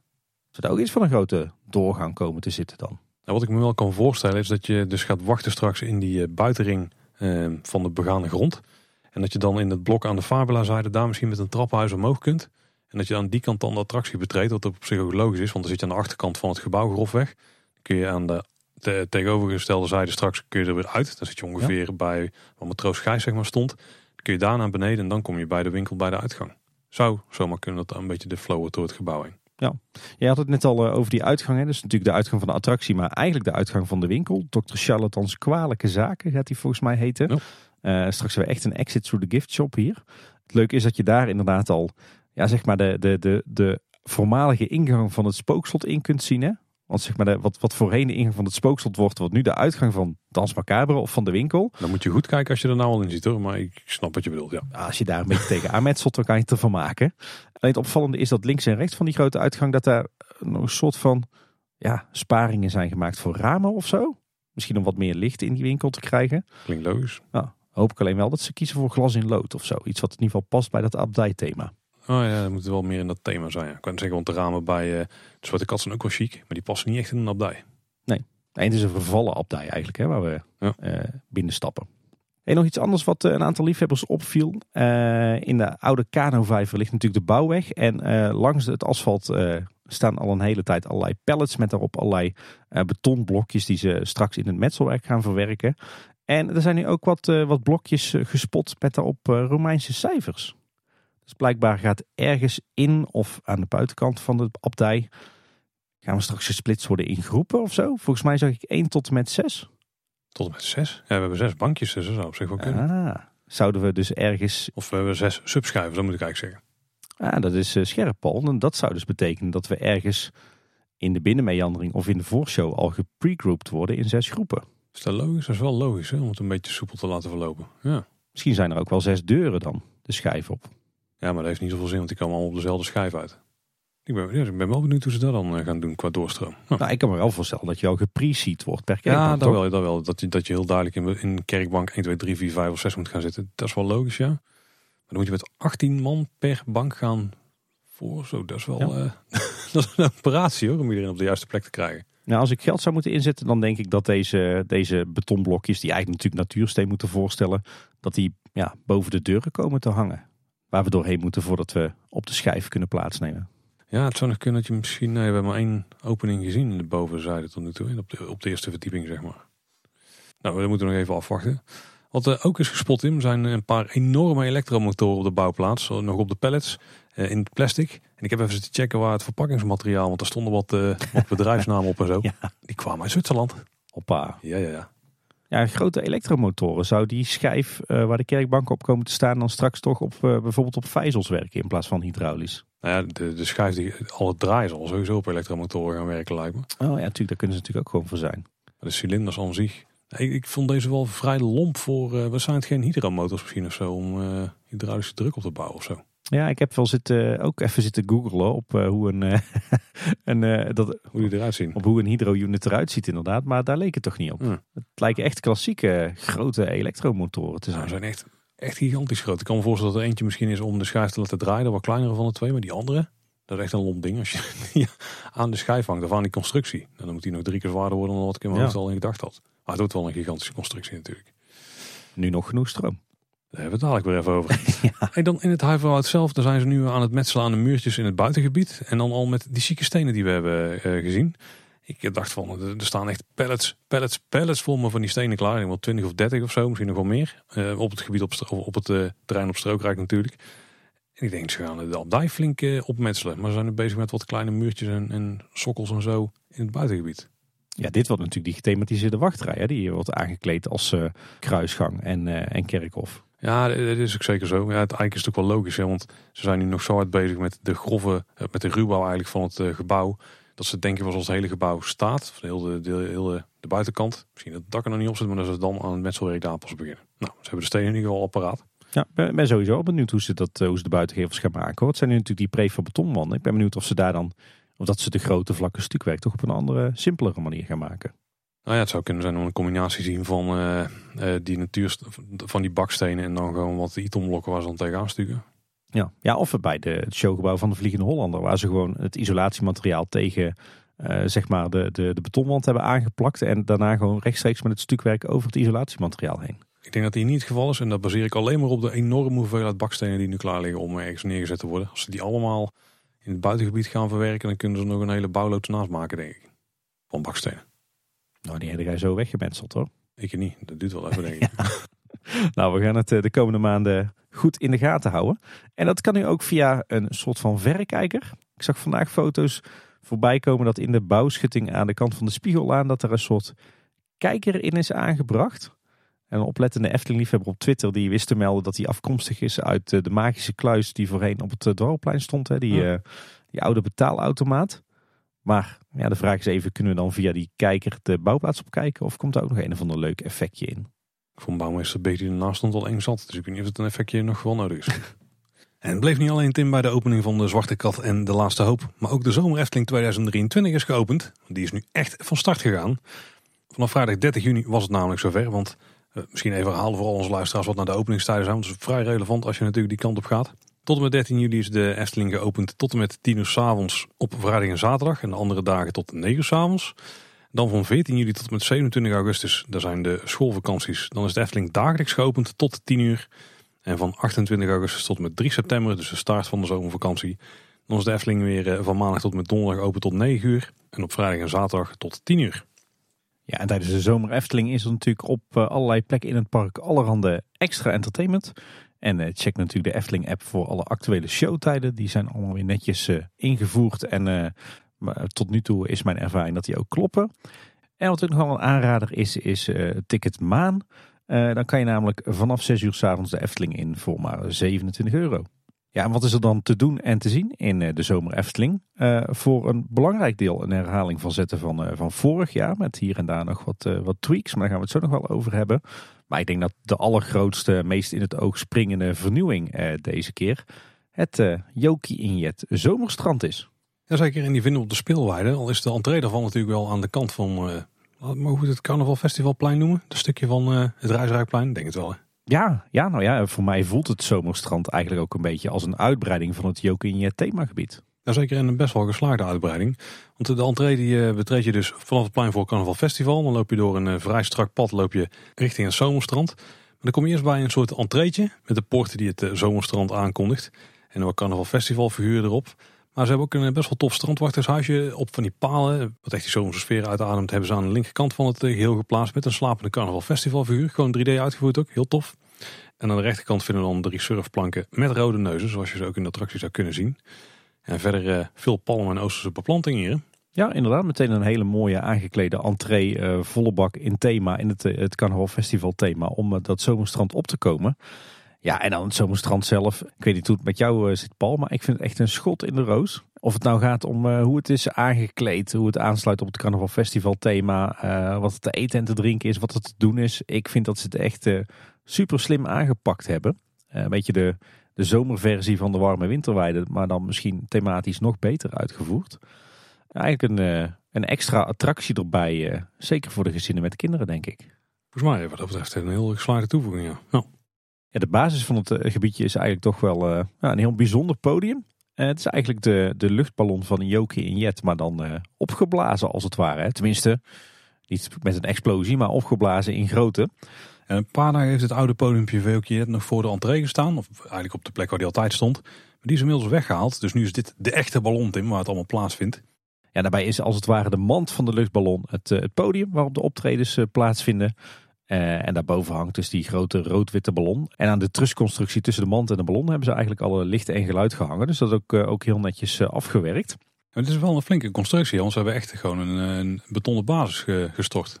Ja, inderdaad. Het was zelfs zo dat tijdens het eerste openingsweekend van de Zomer Efteling... Dat, dat ze nog niet eens gebruik konden maken van het podium. Omdat de grote hoeveelheid beton eronder nog niet was, was uitgehard. En zodoende konden ze er ook nog niet de grote ballon op monteren. Maar inmiddels is dat wel het geval. Maar dit is dus niet iets wat ze snel gaan weghalen. Het zal al een hele tijd blijven liggen. Als ik neem aan dat ze niet voor één zomereventje daar een hele betonfundering hebben geklust. Nee, maar ik denk sowieso als je naar dit concept kijkt, in, uh, in welke mate van detail het allemaal is afgewerkt en hoe echt alles in thema is, dan denk ik dat dit sowieso de bedoeling is dat dit uh, in ieder geval de komende drie jaar gewoon hier op de speelweide uh, ligt in de zomer. Kunnen we dan deze vorm ook een beetje gaan verwachten voor de warme winterweide? Met daarachter nog de schaatsbaan of zo, misschien nog een extra toevoeging? Dat denk ik haast wel. Want heel veel infrastructuur is ook allemaal semi-permanent aangelegd. Nou, in ieder geval eerst maar eens gaan kijken wat ze er nu allemaal van maken. Want er is dus een entertainmentprogramma wat dus plaatsvindt op die luchtballon. Of in ieder geval onder de luchtballon. Uh, Jokin die vind je er dagelijks iedere uur van 11 tot en met 3 uur. En dan van 4 tot en met 8 uur ook iedere uur vind je Trio de Musica Mariachi, wat een, uiteraard een mariachi band is. En die spelen naast bekende Mexicaanse nummers ook eh, speciale Eftelingse tunes, zoals alleen een mariachi band dat kan. Klinkt heel tof. Ik heb ook wel toffe foto's gezien. Ik heb zelf nog niet bij de, ben zelf nog niet bij de act gaan kijken. Ik heb de mariachi band wel wel horen spelen. En die, die kunnen er wel van, ja. Kijk, mooi. Hey, maar dat is niet alles wat er te doen is op het uh, zomerstrand. Uh, zo vind je er ook een heel gaaf springkussen voor de kleintjes. Uh, het is geen gewoon springkussen, maar het is echt speciaal voor het zomerstrand ontworpen en uitgevoerd. Want het is ja, eigenlijk een soort carnaval festival sombrero met een rode neus. Met een gigantische rode neus, ja. ja, ja. En de kinderen lopen dus echt als het ware de rand van de hoed in en kunnen daar springen. Ehm, heel tof uitgevoerd. zelfs de schoenenkast is mooi in thema gemaakt klein puntje van aandacht hier, denk ik, is, uh, is toch wel het, het, gebrek aan schaduw. Volgens mij wordt dit, uh, dit springkussen echt snikheet op een zomerdag met de zonnepal op. Maar dan is er gelukkig geen alternatief. Want daarnaast aan de andere kant van het, het podium vinden we ja, eigenlijk een soort speelstrandje. Met in het midden een groot zandkasteel. Wat niet echt van zand is. toch even die, die luchtballon doorprikken bij jou, Paul. Ah. Ja, dat kasteel staat in de grote zandbak die je vindt. En in die zandbak kun je ook een spelletje spelen. Namelijk het spelletje speurneuzen. Want er liggen dus in het zand liggen rode neuzen verstopt. En daar kunnen de kinderen dan gaan graven. En als je die vindt, dan kun je naar het spelletje strandbal werpen. Want ze hebben ook weer een hoop spelletjes opgesteld ja. Eh, in, op de speelweide. En dan kan je één keer gratis een bal gooien. Dat is ja. wel een toffe gimmick. Zeker, het spelletje is heel erg populair. Mijn uh, kinderen hebben ook uh, een half uurtje liggen graven in het strandzand hier. Het was best ingewikkeld, want ze hebben allebei geen rode neus gevonden. Nou, ik denk dat je er vooral vroeg bij moet zijn. Want ik ga ervan uit dat er heel veel fanatieke kinderen zijn. En ja. dat ze niet meer op de dag nog wat van die neuzen kunnen verstoppen. Want dan zijn ze zo gevonden natuurlijk. Ja, maar sowieso is dit een, een heel tof plekje. Wat al heel fijn is, is dat hier wel schaduw is. Hè. Ze hebben hier een, een gethematiseerde tent eroverheen gezet. Dat kasteel in het midden, wat dus eigenlijk gewoon in plaatmateriaal is uitgevoerd, is ook weer helemaal in thema. Met een leuke knipoog naar uh, de kastelen in de Duitsland scène van Carnaval Festival. En je kan hier ook gewoon lekker in het zand spelen. Uh, met je, je schepje en je harkje die je elders op het zomerstrand uh, kan kopen. Of natuurlijk van thuis kan meenemen. en er is ook aan de ouders gedacht. Want helemaal rondom die cirkel staan tientallen strandstoelen. Dus je kan er als ouders gewoon lekker gaan liggen. Terwijl je kinderen hier in het zand aan het spelen zijn. Dat is echt ideaal hoor. We hebben hier ook een, een half uurtje gezeten met een ijsje terwijl de kinderen aan het graven waren. Nee, je zou bijna zeggen dat dit soort strandstoelen ook zeer welkom zouden zijn in, nou, ik noem maar een dwarsstraat, een waterspeeltuin. Ja, bijvoorbeeld. Als het gewoon een horizontaal geplaatste plank is, vind ik het ook al goed Ja, daar doe ik het ook voor. En verder is er ook een uh, fotolocatie. Twee, uh, als het ware, blow-up aanzichtkaarten. Met uh, daarop I Love Efteling. Dat natuurlijk voor ons alle geld. En ook een Carnaval Festival-achtig tafereeltje. en daar kun je zelf gewoon een foto maken van je kinderen of van, van je, je gezelschap. maar om de zoveel tijd, dan kan je de, ook op de foto met een aantal Carnaval Festival figuren. Bijvoorbeeld de Fransman, de Italiaan of de Nederlandse boerin. Um, die kennen we natuurlijk ook van het Negenpleinenfestijn. Toen traden ze ook op. En dat is natuurlijk ook een referentie naar de figuren in de attractie. Uh, en ook met hen kan je op de foto. En volgens mij staat er dan ook een medewerker van de Efteling met de spiegelreflexcamera. Die uh, eventueel die foto's maakt die je dan met je fotopas ook weer kunt aanschaffen. Maar je kan natuurlijk ook gewoon met je mobieltje even gauw een leuke foto klikken. Ja, zoals we net al zeiden, die spelletjes die uh, populair waren. In ieder geval wat betreft de Efteling. Op de warme winterweide, die vinden we hier ook weer in verschillende iteraties terug. Je hebt hier eentjes vangen en het uh, strandbalwerpen. En bij die strandbalwerpen, daar kun je dus die grote blow-up Jokinjet uh, kunnen vinden. Nou, gelukkig gingen mijn kinderen naar huis met een uh, klein zeehondje van het eentjesvissen. Gelukkig hebben wij er helemaal geen geld in gedaan. en ook op het zomerstrand is ontzettend veel aandacht besteed aan de muziek. Want hier vind je een speciaal gecomponeerde zomerversie van de, de parkmuziek die we natuurlijk kennen uit de rest van het park. Dus mocht er ooit een zomerrijk komen, waar ik nu een mini natuurlijk gekregen. ja. Dan hebben ze de muziek al klaar liggen. echt een super toffe soundtrack. Uh, natuurlijk de herkenbare klanken, maar dan uh, ja, lekker zomers. En er is qua horeca ook uh, redelijk wat aanbod. Al mist er misschien nog wat. Maar in totaal heb je zes chalets voor horeca en ook voor de retail trouwens. En die zijn geschilderd in een beetje van die frisse pastelkleuren. Dus, dus een mooie kruising tussen het strandgevoel en Carnaval Festival. Ja, absoluut. Er staat een grote container waar je ola ijs en koffie kunt scoren. Dat is de fietskar waar je een ijs kunt krijgen. En krijg je dat dit jaar al in een herbruikbare fles, dan was het in eerste instantie niet bedoeld dat er ook uh, refill flessen zouden zijn. Maar daar hebben een hoop bezoekers op gereageerd, want die verwachten eigenlijk wel gewoon dat het uh, zo was. Onder andere op Twitter, een aantal liefhebbers daar. En nu was er toch een goedkopere refill beschikbaar waar je gewoon dezelfde fles weer voor kunt hergebruiken. Dus uh, dat is top. Ja. Je kunt ook de hippe bubble tea hier weer krijgen. We waren beide niet zo fan. Nee. Slush puppies kun je hier krijgen. En vers fruit. Onder andere aardbeien, ananas, druiven en watermeloen. En die kun je dan ook als fruitsalades krijgen. Ja. Maar Wat, hier, wat ik hier nog echt mis is ja, toch een soort van, ja, het hoeft niet eens een signature snack of zo te zijn, maar gewoon iets vastigs, zeg maar. Gewoon überhaupt eten. Ja, ja gewoon iets wat je, dat je een lunch of een, gewoon een goede snack hebt of zo. Dus, ja, het is wel heel erg, eh, zeg maar, klassiek zomers. Maar ook aan de zomerstrand kan je gewoon een hamburgertje krijgen of ja, iets in die geest. Ja, absoluut. Lijkt mij ook. Ik bedoel, dit is een ontzettend leuk gebied waar je echt wel even een tijdje eh, kan blijven. Ik bedoel, je kinderen zijn hier zomaar een uurtje bezig met, uh, met dat springkussen en het, uh, het strandje. En zeker als er dan ook nog een optreden plaatsvindt. Ja, het is, het is hier prima toeven met al die zitjes, met die lekkere muziek. Dus ja, je wilt hier toch ook wat eten? Nou ja, sterker nog, wij kwamen hier dus de eerste avond aan. En ehm, rond etenstijd, dus wij denken, nou, als dat wat eten is, dan gaan we daar gewoon mooi hangen.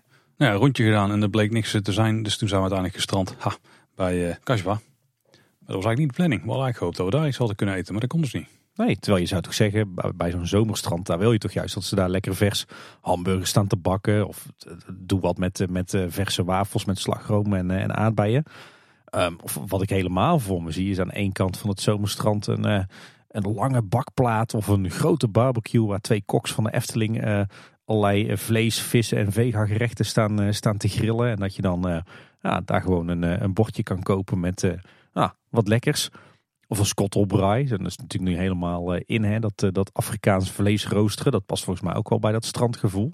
Volgens mij heb je hier allerhande kansen om ook lekker eten te verkopen. Ja, ik wil jou alleen maar verstandige dingen zeggen, Tim. Ja, ik krijg je ook honger van. Ik ook. De retail, daar is ook aan gedacht daar. Er zijn drie chalets aan één geschakeld. Dat zijn de classic, de classic chalets zoals die we kennen uit de Efteling.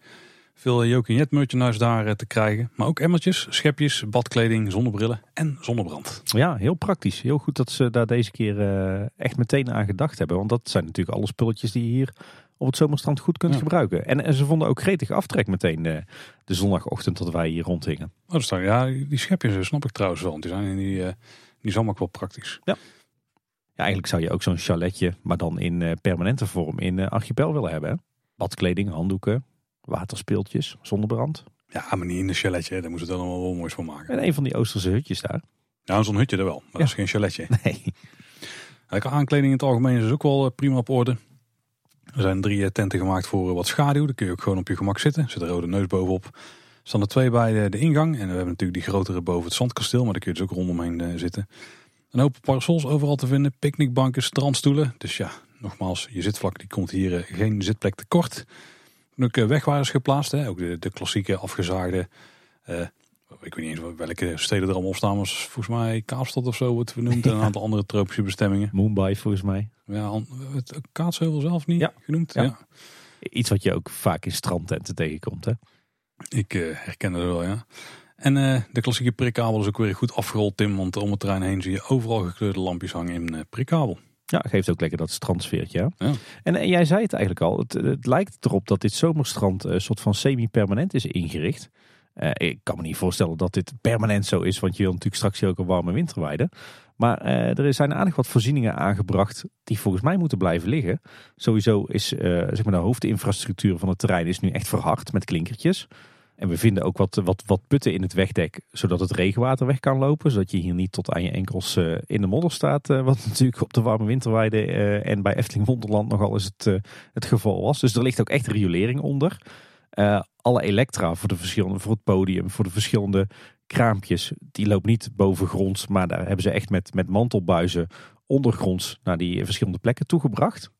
Ik zag dat, dat de verschillende plantsoenen waar we allerlei palmen en andere exotische planten in terugvinden, dat die ook allemaal voorzien zijn van beregening. Dus het, het lijkt er echt op dat dit ja, semi-permanent is aangelegd en misschien inderdaad wel wordt hergebruikt straks voor de, de warme winterweide. Ik kan me er wel een winterse variant van voorstellen met, met twee vreugdevuren bijvoorbeeld in die cirkels en dan, dan we hebben wel wat boomschors eromheen liggen. Ja. En in het midden een podium waar ze dan een wintersentertainment hebben. En daaromheen de spellen en de horeca. Eigenlijk gewoon net zoals nu. Ja. En dan natuurlijk met de schaatsbaan even zo langs. Ja, ik zie het precies. om, ja. Ja. ja. en dan met een andere thematisch sausje natuurlijk. Sowieso wel leuk om te zien dat er echt uh, ontzettend veel aandacht is geschonken hier aan het groene. We, uh, we zeiden het al, er zijn wat... Uh, een heleboel plantvakken met daarin palmen en andere exotische planten. Maar er staan ook aardig wat bakken en potten die volgens mij uit de plantenkast komen. Met planten die voorheen eh, op de parkeerpromenade stonden uh, en bij de Piranha op het plein. Maar ook volgens mij de palmen die voorheen rond Monsieur Cannibal stonden. En verder hebben ze ook het hele zomerstrand omzoomd met een haag. Dus we hebben het eigenlijk netjes uh, netjes afgescheiden van de rest van de speelweide. En het overgebleven gedeelte van de speelweide hebben ze inmiddels ook netjes vlak gemaakt en weer ingezaaid met gras. Dus ik denk dat we daar over een tijdje weer gewoon kunnen gaan picknicken. We zeiden de vorige keer dat ze ook een soort van grondwal hadden opgeworpen aan de zijde van de spoorlijn. Om, misschien om de stoomtrein uit het zicht te onttrekken. Maar dat blijken gewoon alle houtsnippers van de warme winterweide op een hoop te zijn. Hm. Dus mogelijk gaan ze die inderdaad hergebruiken straks voor de warme winterweide.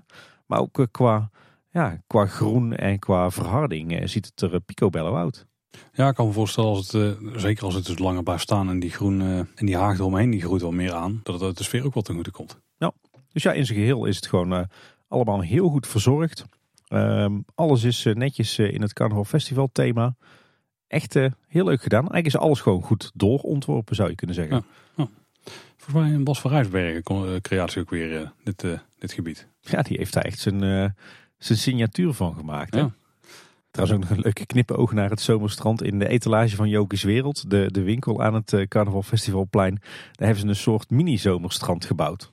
Ook heel grappig. Aan de andere kant van het park, in het Ruigrijkplein. Daar hebben natuurlijk een, eh, een podium gebouwd zien worden. Ongeveer op de plek waar, uh, waar Polka Marina voorheen stond. En die bestaat uit uh, zo'n Python track. Hè. Daar hebben we de vorige keer al over gehad. Die een beetje zo'n slang backbone, wou ik zeggen, vormt. Met een slangenkop op. Het podium zelf is voorzien van een hoop houtwerk, een hoop kratten en zo als aankleding. Je kent dat wel. Uh, er is ook een uh, trusconstructie gemaakt met uh, overkapping. Vooral als het natuurlijk regent. Ja, die staat er echt alleen op regenachtige dagen. Anders dan, dan halen ze hem weg. En er staan ook wat zwart gekoten dranghek omheen. Maar die zijn nog niet echt nodig geweest van wat ik heb gezien. en daar vinden dus een aantal dingen plaats. Ik heb de Sterk Staaltje Staalkracht Show gezien. Dat doe je goed, Paul, in één keer. Uh, ja. ja. Ben je er zelf geweest? Ja, ik zeg wat ik heb hem gezien, maar ik heb het echt de aanleiding daarvan die vond plaats. En toen zei mijn oudste dochter, ik wil de Python. En dat was voor het eerst. En toen ben ik heel snel die kant op gegaan, voordat ze zich bedacht. Snap ik, denk ik ook de goede keuze geweest. Ik moet zeggen, ik heb de sterk staaltje staalkracht show wel gezien. Mijn oudste dochter die vond hem fantastisch. Dus die wilde hem van begin tot eind uh, kijken. En daarna ook nog DJ Dizzy. Dus ik denk dat ik uh, een goed uur daar bij dat podium heb gestaan. Eigenlijk best wel leuk. Twee figuren, Roef en Spijk, uh, die eigenlijk op een heel interactieve manier, die uh, samen met uh, de kinderen in het publiek, eigenlijk heel wat natuurkundige kwesties onder de loep nemen. aan de hand van de achtbanen in het Ruigrijk. Heb je één of twee leuke voorbeelden? Ja, volgens mij leggen ze zwaartekracht uit aan de hand van uh, fonteinen die vanaf het podium het publiek uh, nat spuiten. En ze doen wat met middelpuntvliedende krachten met een emmer met water. En er ligt een stuk ketting van bron 1898 op het, uh, het podium. Hm. ze doen wat met bladblazers. Je moet dan een, een bestelling bij de frietent doorgeven terwijl je in de baron zit als het ware. Dat doen ze dan door met bladblazers in je gezicht te blazen. Dus het, het is allemaal heel erg ludiek. Het, het voelt een beetje als... Uh, Camping entertainment. Ja. ja, het voelt inderdaad best wel een beetje als animatieteam. Met een vleugje zep en een vleugje klokhuis. Maar wel goed gedaan. Het, het, is allemaal, het heeft allemaal relatie tot eh, de attracties in het Ruigrijk. Uh, Roef en Spijk die dragen ook fantastische outfits. Ja, er zit een hele print op hè, die, die, die opgebouwd is uit alle elementen uit de verschillende attracties van Ruigrijk. Ja, ja, ja, en alle elementen waar ze mee werken, bijvoorbeeld die bladblazers, die zijn ook weer helemaal aangekleed in die, een beetje dat steampunk sfeertje van het station van de Python. Nou, er is ook weer hier een uh, speciale soundtrack voor gecomponeerd. Steampunk sfeertje van het station van de Python? Heb ik wel gemist? Hij heeft die klinknagels en zo. En het bruine staal. Dat is toch zo'n mislukt Oostenrijk chalet? Ja, aan de binnenkant hebben ze toch geprobeerd daar een beetje steampunk van te maken. Met die klinknagels en het bruine staal. Oh, serieus? Nee, niet? Nou, zie, zie ik dingen die jij, jij niet ziet dan misschien? Ik zie eigenlijk nog steeds gewoon een gebouwtje uit de jaren tachtig. Maar dat is dan misschien een nostalgicus in mij. ja, dat zal het zijn. Nee, maar ik denk dat dit echt, eh, echt heel leuk is voor de doelgroep. Inderdaad, kinderen van, ik denk, een jaar of zes tot een jaar of tien, maximaal twaalf. Ja, ja. En uh, ja, Roef en Spijk doen het gewoon uh, hartstikke leuk.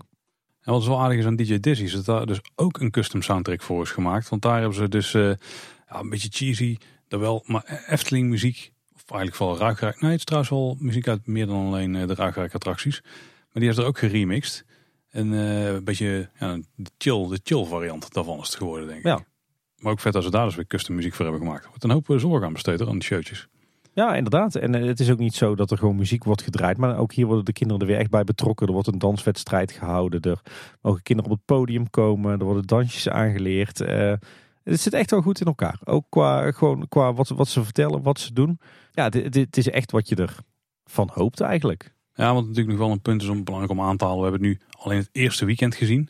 En het is natuurlijk zo dat dit nog gaat groeien. Want het is ook deels improvisatie en zo natuurlijk. Dus ze zullen in de loop van de weken wel een beetje gaan merken wat wel en niet werkt. Ik denk als je dit aan het einde van, uh, van de zomer Efteling gaat kijken, dat het misschien nog wel beter in elkaar steekt en beter ook overkomt met de publieke interactie dan nu. Ja, deze opzet die biedt echt de volle ruimte voor eh, interactie en improvisatie natuurlijk. Ik hoorde wel wat mensen, eh, wat, wat Efteling-liefhebbers klagen van het is kinderachtig, het is saai, het is flauw. Ja, weet je, de doelgroep is hier ook gewoon kinderen van basisschoolleeftijd. En daar is het eh, perfect geschikt voor. En Efteling wil nu eenmaal geen dronken twintigers en dertigers meer bij een podium hebben staan. Nee, daar is het podium niet zo heel aantrekkelijk voor. ik denk niet dat dat hier gaat gebeuren, nee. En, en ook dit sluit net, net zoals de, uh, de verschillende onderdelen die we vorig jaar in de zomer Efteling al hadden, sluit thematisch gewoon perfect aan bij de omgeving waar ze in staan. Het is gewoon van A tot Z gewoon passend en allemaal doorontworpen. Alles is in stijl. Dus ja, wat, wat willen we nog meer? Nou, je zegt er nou maar natuurlijk simpel als statige stuurman had het ook, hè? Natuurlijk ook helemaal in het thema van de attractie. Ja, ja. ja. Het is wat generieke raakrijk, als dat al bestaat. Dus ik denk dat wij zelf niet de doelgroep zijn, onze kinderen wel. En dan denk ik dat dit een uh, absoluut een superleuke en originele toevoeging is. er is ook een nieuw horecapunt in, uh, in Ruikrijk tijdens de zomer Efteling. Want er is nu een, uh, een chaletje ook daar met verkoop van het assortiment van de vegetarische slager. Dat vind je eigenlijk op de plekken waar voorheen volgens mij de lumpia-kar stond. Of, of zo'n friethoeskar. Ja, in ieder geval tegen die laatste bocht van de oude tufferbaan aan. Friethoest. Lijkt me ook een vervelende ziekte. Ja, dat moet je niet hebben, nee. Daar kun je twee verschillende wraps krijgen, elk van 6,5 euro. Eentje met vegetarische biefstuk met barbecue smaak. Of eentje met vegetarische kip met Caesar salad. Oeh, vegetarische biefstuk met barbecue smaak. Dat uh, klinkt goed. Dat klinkt wel, wel oké. Okay, oh, gaan, proeven, gaan proeven. Enige domper in het Ruigrijk. Er staan weer wat uh, tijdelijke toiletunits van Boels op de Pythonweide. Ik denk dat die er echt aan staan voor evenementen die ze houden op de Pythonweide. Er was er het eerste weekend al meteen één. En dan moet je aan die kant gewoon toiletcapaciteit hebben. En ik denk dat het gewoon goedkoper is om niet te laten staan in plaats van steeds op te bouwen en af te breken. Dan hoop ik dat ze die toch de rest van de tijd gewoon achter uh, gethematiseerde bouwhekken zetten. Want ik vind dit echt een uh, smet op het blazoen van de Efteling hoor. Boels toiletgroepen, dat, dat past niet bij dat 9 plus niveau wat ze nastreven. Ja, dat is een netwerk uit Anderrijk. Dan krijgen we ze hier weer. Ja, en ze staan nog bij de Efteldingen hè? Oh ja, die staan ook nog ja. Nou, hotel gaan we uit de grond stampen en komt er goed. Dan uh, Tom van de Venplein, Tim. Ja, dat is eigenlijk wel een beetje een herhaling van vorig jaar. Die is grotendeels zo ingericht als de vorige keer. Uh, die schommelconstructie zal, zit wel wat meer groen aan. Een soort afdakje gemaakt van groen, waardoor het elfje wat daar zit gewoon, ik denk, een beetje droog kan zitten. Helemaal zal lastig worden. Maar er is één nieuw element toegevoegd. Want je kunt je als kind namelijk laten sminken of van die uh, tatoeages laten zetten als elfje bij een van de chalets die daar staat. Dus kun je ook overdekt. Er staan volgens mij twee uh, medewerkers staan te sminken en uh, van die uh, tattoos te zetten. Dus wel iets nieuws daar. Volgens mij kunnen ze daar toch ook verkleedkleding kopen van elfjes. Ja, er is wel iets van een sortimentje. Ja. Er zal een kassen staan, dus waarom zou je er niks verkopen? Ja, je kan aan de, aan de elfjes ook heel goed merken dat dit het tweede jaar is. Want die, die interactie wordt ook steeds leuker tussen de kinderen en de elfjes. Dan gaan we dan weer ook weer echt strak door naar de andere kant van het park. Want bij het Fata Morgana plein daar hebben we een, weer de gin. En daar hebben we een kleine aanpassing aan. Die lijkt opnieuw ingeschaduwd te zijn. Hè? Ja, het lijkt alsof hij een beetje sprayten heeft genomen. Uh, wel opvallend is dat, uh, dat op de een of andere manier zijn ogen nu wat liever lijken. Hij is wat minder angstaanjagend. Terwijl er vorig jaar natuurlijk wat, wat klachten over dat veel kinderen hem echt te eng vonden. Nou, dat is nu zeker niet meer het geval, want hij kijkt echt liever uit zijn ogen. En hij had ook eerst zo'n zo'n grote staf vast, maar die keert schijnbaar niet meer terug. Dus ja, we hebben een, uh, een licht getweakte versie van Jin. En het lijkt erop dat Jin dit jaar tussen de verschillende shows door. Dat hij als het ware slaapt. Uh, in die hoek links achterin op het plein. Tussen de wachtrij en het uh, Vata evenementencomplex. Dan hebben ze nu bloembakken met, uh, met bamboe omheen gezet. Zodat hij daar ja, een beetje achter de schermen staat tussen de shows in. Ben jij bij het Max Moritzplein geweest Tim? Ja. Ja. Daar ben ik zelf nog niet geweest. Ik weet dat daar een extra chalet staat voor ook wel spelletjes. Ook die kunnen daar nu gaan doen. Ja, kattenkwaak, uh, tongbreker. Dat is eigenlijk een, een, variant van het eentjesvis wat we op uh, het zomerstrand vinden. Maar dan doe je dat hier met kikkers. En we hebben dan ook uh, het spelletje in het hoenderok. En daar moet je ballen gooien. Dan moet je volgens mij gewoon ouderwets blikken omgooien. Ja, ja sluit ook weer mooi aan bij het, het thema natuurlijk hier met, met de kippen overal.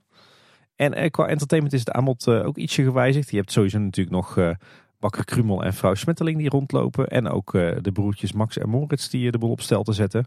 Uh, maar dit jaar een andere uh, band. De Anderberg Muziekverein. Iets andere act dan vorig jaar. En die kerels die zijn behoorlijk assertief richting gasten. Dus daar vindt aardig wat de publieksparticipatie plaats. Bijna een beetje zoals in andere parken Halloween wordt gevierd door Halloween acteurs. Oh, wow, oké. Die komen aardig dichtbij, zeg maar. Net wat gewaagder dan, dan vorig jaar, maar ik kan op zich wel waarderen. En als we dan de, de, de ja, ik moet ook een tussenstand noemen, denk ik, opmaken.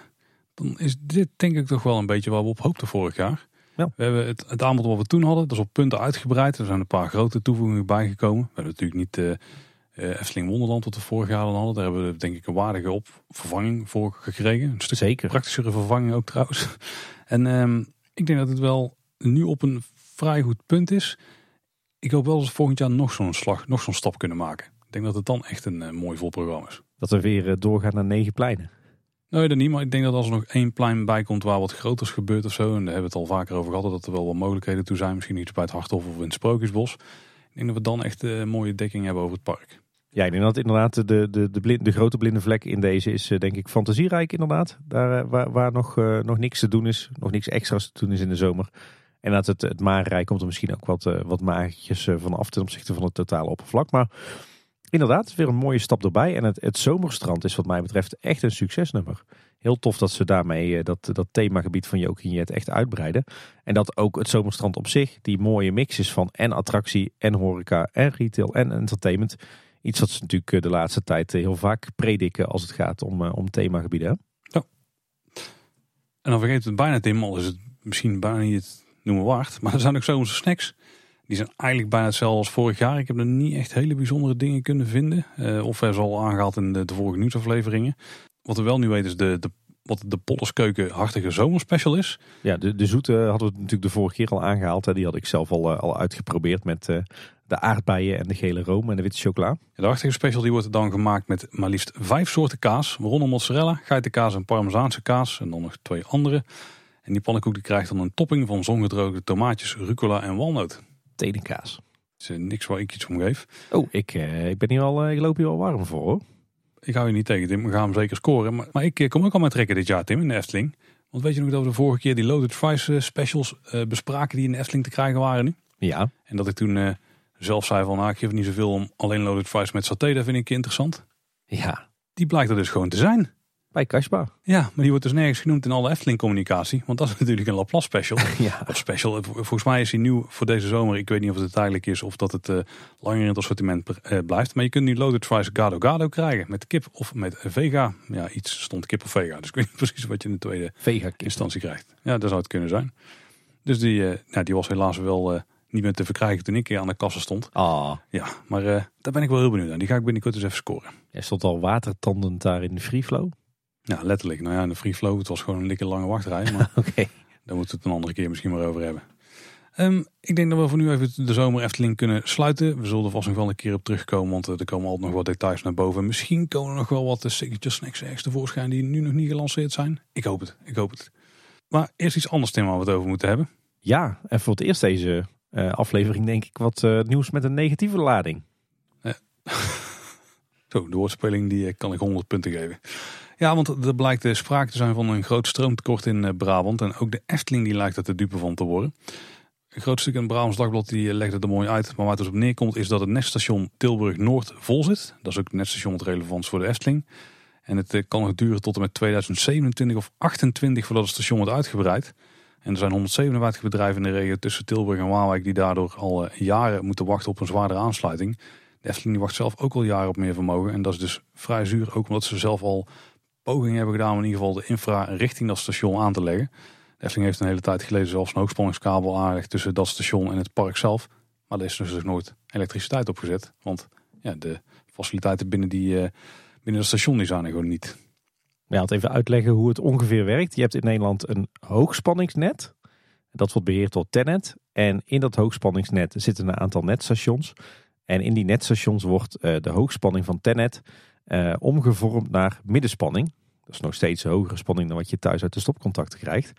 Uh, en daar neemt eigenlijk Enexis het over. En vanaf dat middenspanningsnet wordt het, uh, de stroom weer in een bepaald gebied vervoerd naar transformatoren die het vervolgens weer transformeren naar laagspanning, die wij wel thuis uit de stopcontacten krijgen. En dat tussenstation in Tilburg Noord, tussen Tennet hoogspanning en Enexis middenspanning, die zit aan zijn max. En dat moet worden uitgebreid door Tennet voordat het meer vermogen kan gaan leveren. En die grote kabel die de Efteling heeft aangelegd om die middenspanning vanaf dat station naar de eigen middenspanningsring te leiden. Ja, die ligt er wel en die is ook aangesloten, maar er is gewoon niet meer stroom beschikbaar. Dus de Efteling krijgt ook niet meer, niet meer vermogen dan dat ze nu krijgen. En ik kun je misschien afvragen, hebben die zonnepanelen dan misschien daar nog een... Uh, helpen die daar misschien iets bij om het probleem wat te verzachten? Nou, in, in de zomer op zich wel. Maar de Efteling die zegt zelf dat ondanks alle investeringen die ze hebben gedaan in de zonnepanelen... Uh, ze natuurlijk nog extra stroom nodig hebben. Want in de winterperiode en in de nacht wek je, wek je niks op. Of minder in ieder geval. Um, en nu is er niet genoeg vermogen om de nieuwe attractie of het hotel op vol bedrijf te kunnen laten lopen in de winter. Zonder dat ze aanpassingen gaan doen. En die aanpassingen kunnen verschillende zaken zijn die ze nu in onderzoek hebben. Nou is het overigens zo, schrik niet. Dans Macabre en Efteling Grand Hotel gaan echt niet op halve kracht draaien. Daar werd al op speelt in een, uh, in een antwoord dat Efteling eerder gaf. Of in ieder geval de interpretatie van het antwoord door uh, de krant volgens mij in dat geval. En de bouw gaat ook gewoon nog door. Maar uh, ja, het heeft wel effect. Ja. Je kunt veel minder andere uitbreidingen doen als je weet dat die problemen gewoon blijven bestaan. Zeker tot en met 2027, 2028. Ja, ja, de Efteling zegt zelf dat de stroomtoevoer niet toereikend is voor uitbreiding van het park of de resorts. En zelfs het verduurzamen van bestaande locaties moet op een gegeven moment gaan stoppen. Uh, bijvoorbeeld die warmtepompen of het elektrisch frituren. Want ja, hoe meer je van gas afschakelt, omdat je minder stikstof uitstoot wil, hoe meer stroom je nodig hebt. Ja. Ik las vandaag wel uh, nog op Omroep Brabant een artikel dat uh, de provincie Brabant uh, een lijst had gemaakt met de prioriteiten als het gaat om uitbreiding van het elektriciteitsnet in Brabant. Ik geloof dat er zeven prioriteiten waren of zo. Dus ik denk, ja, daar moet de Efteling tussen staan. Maar het waren allemaal woningbouwprojecten.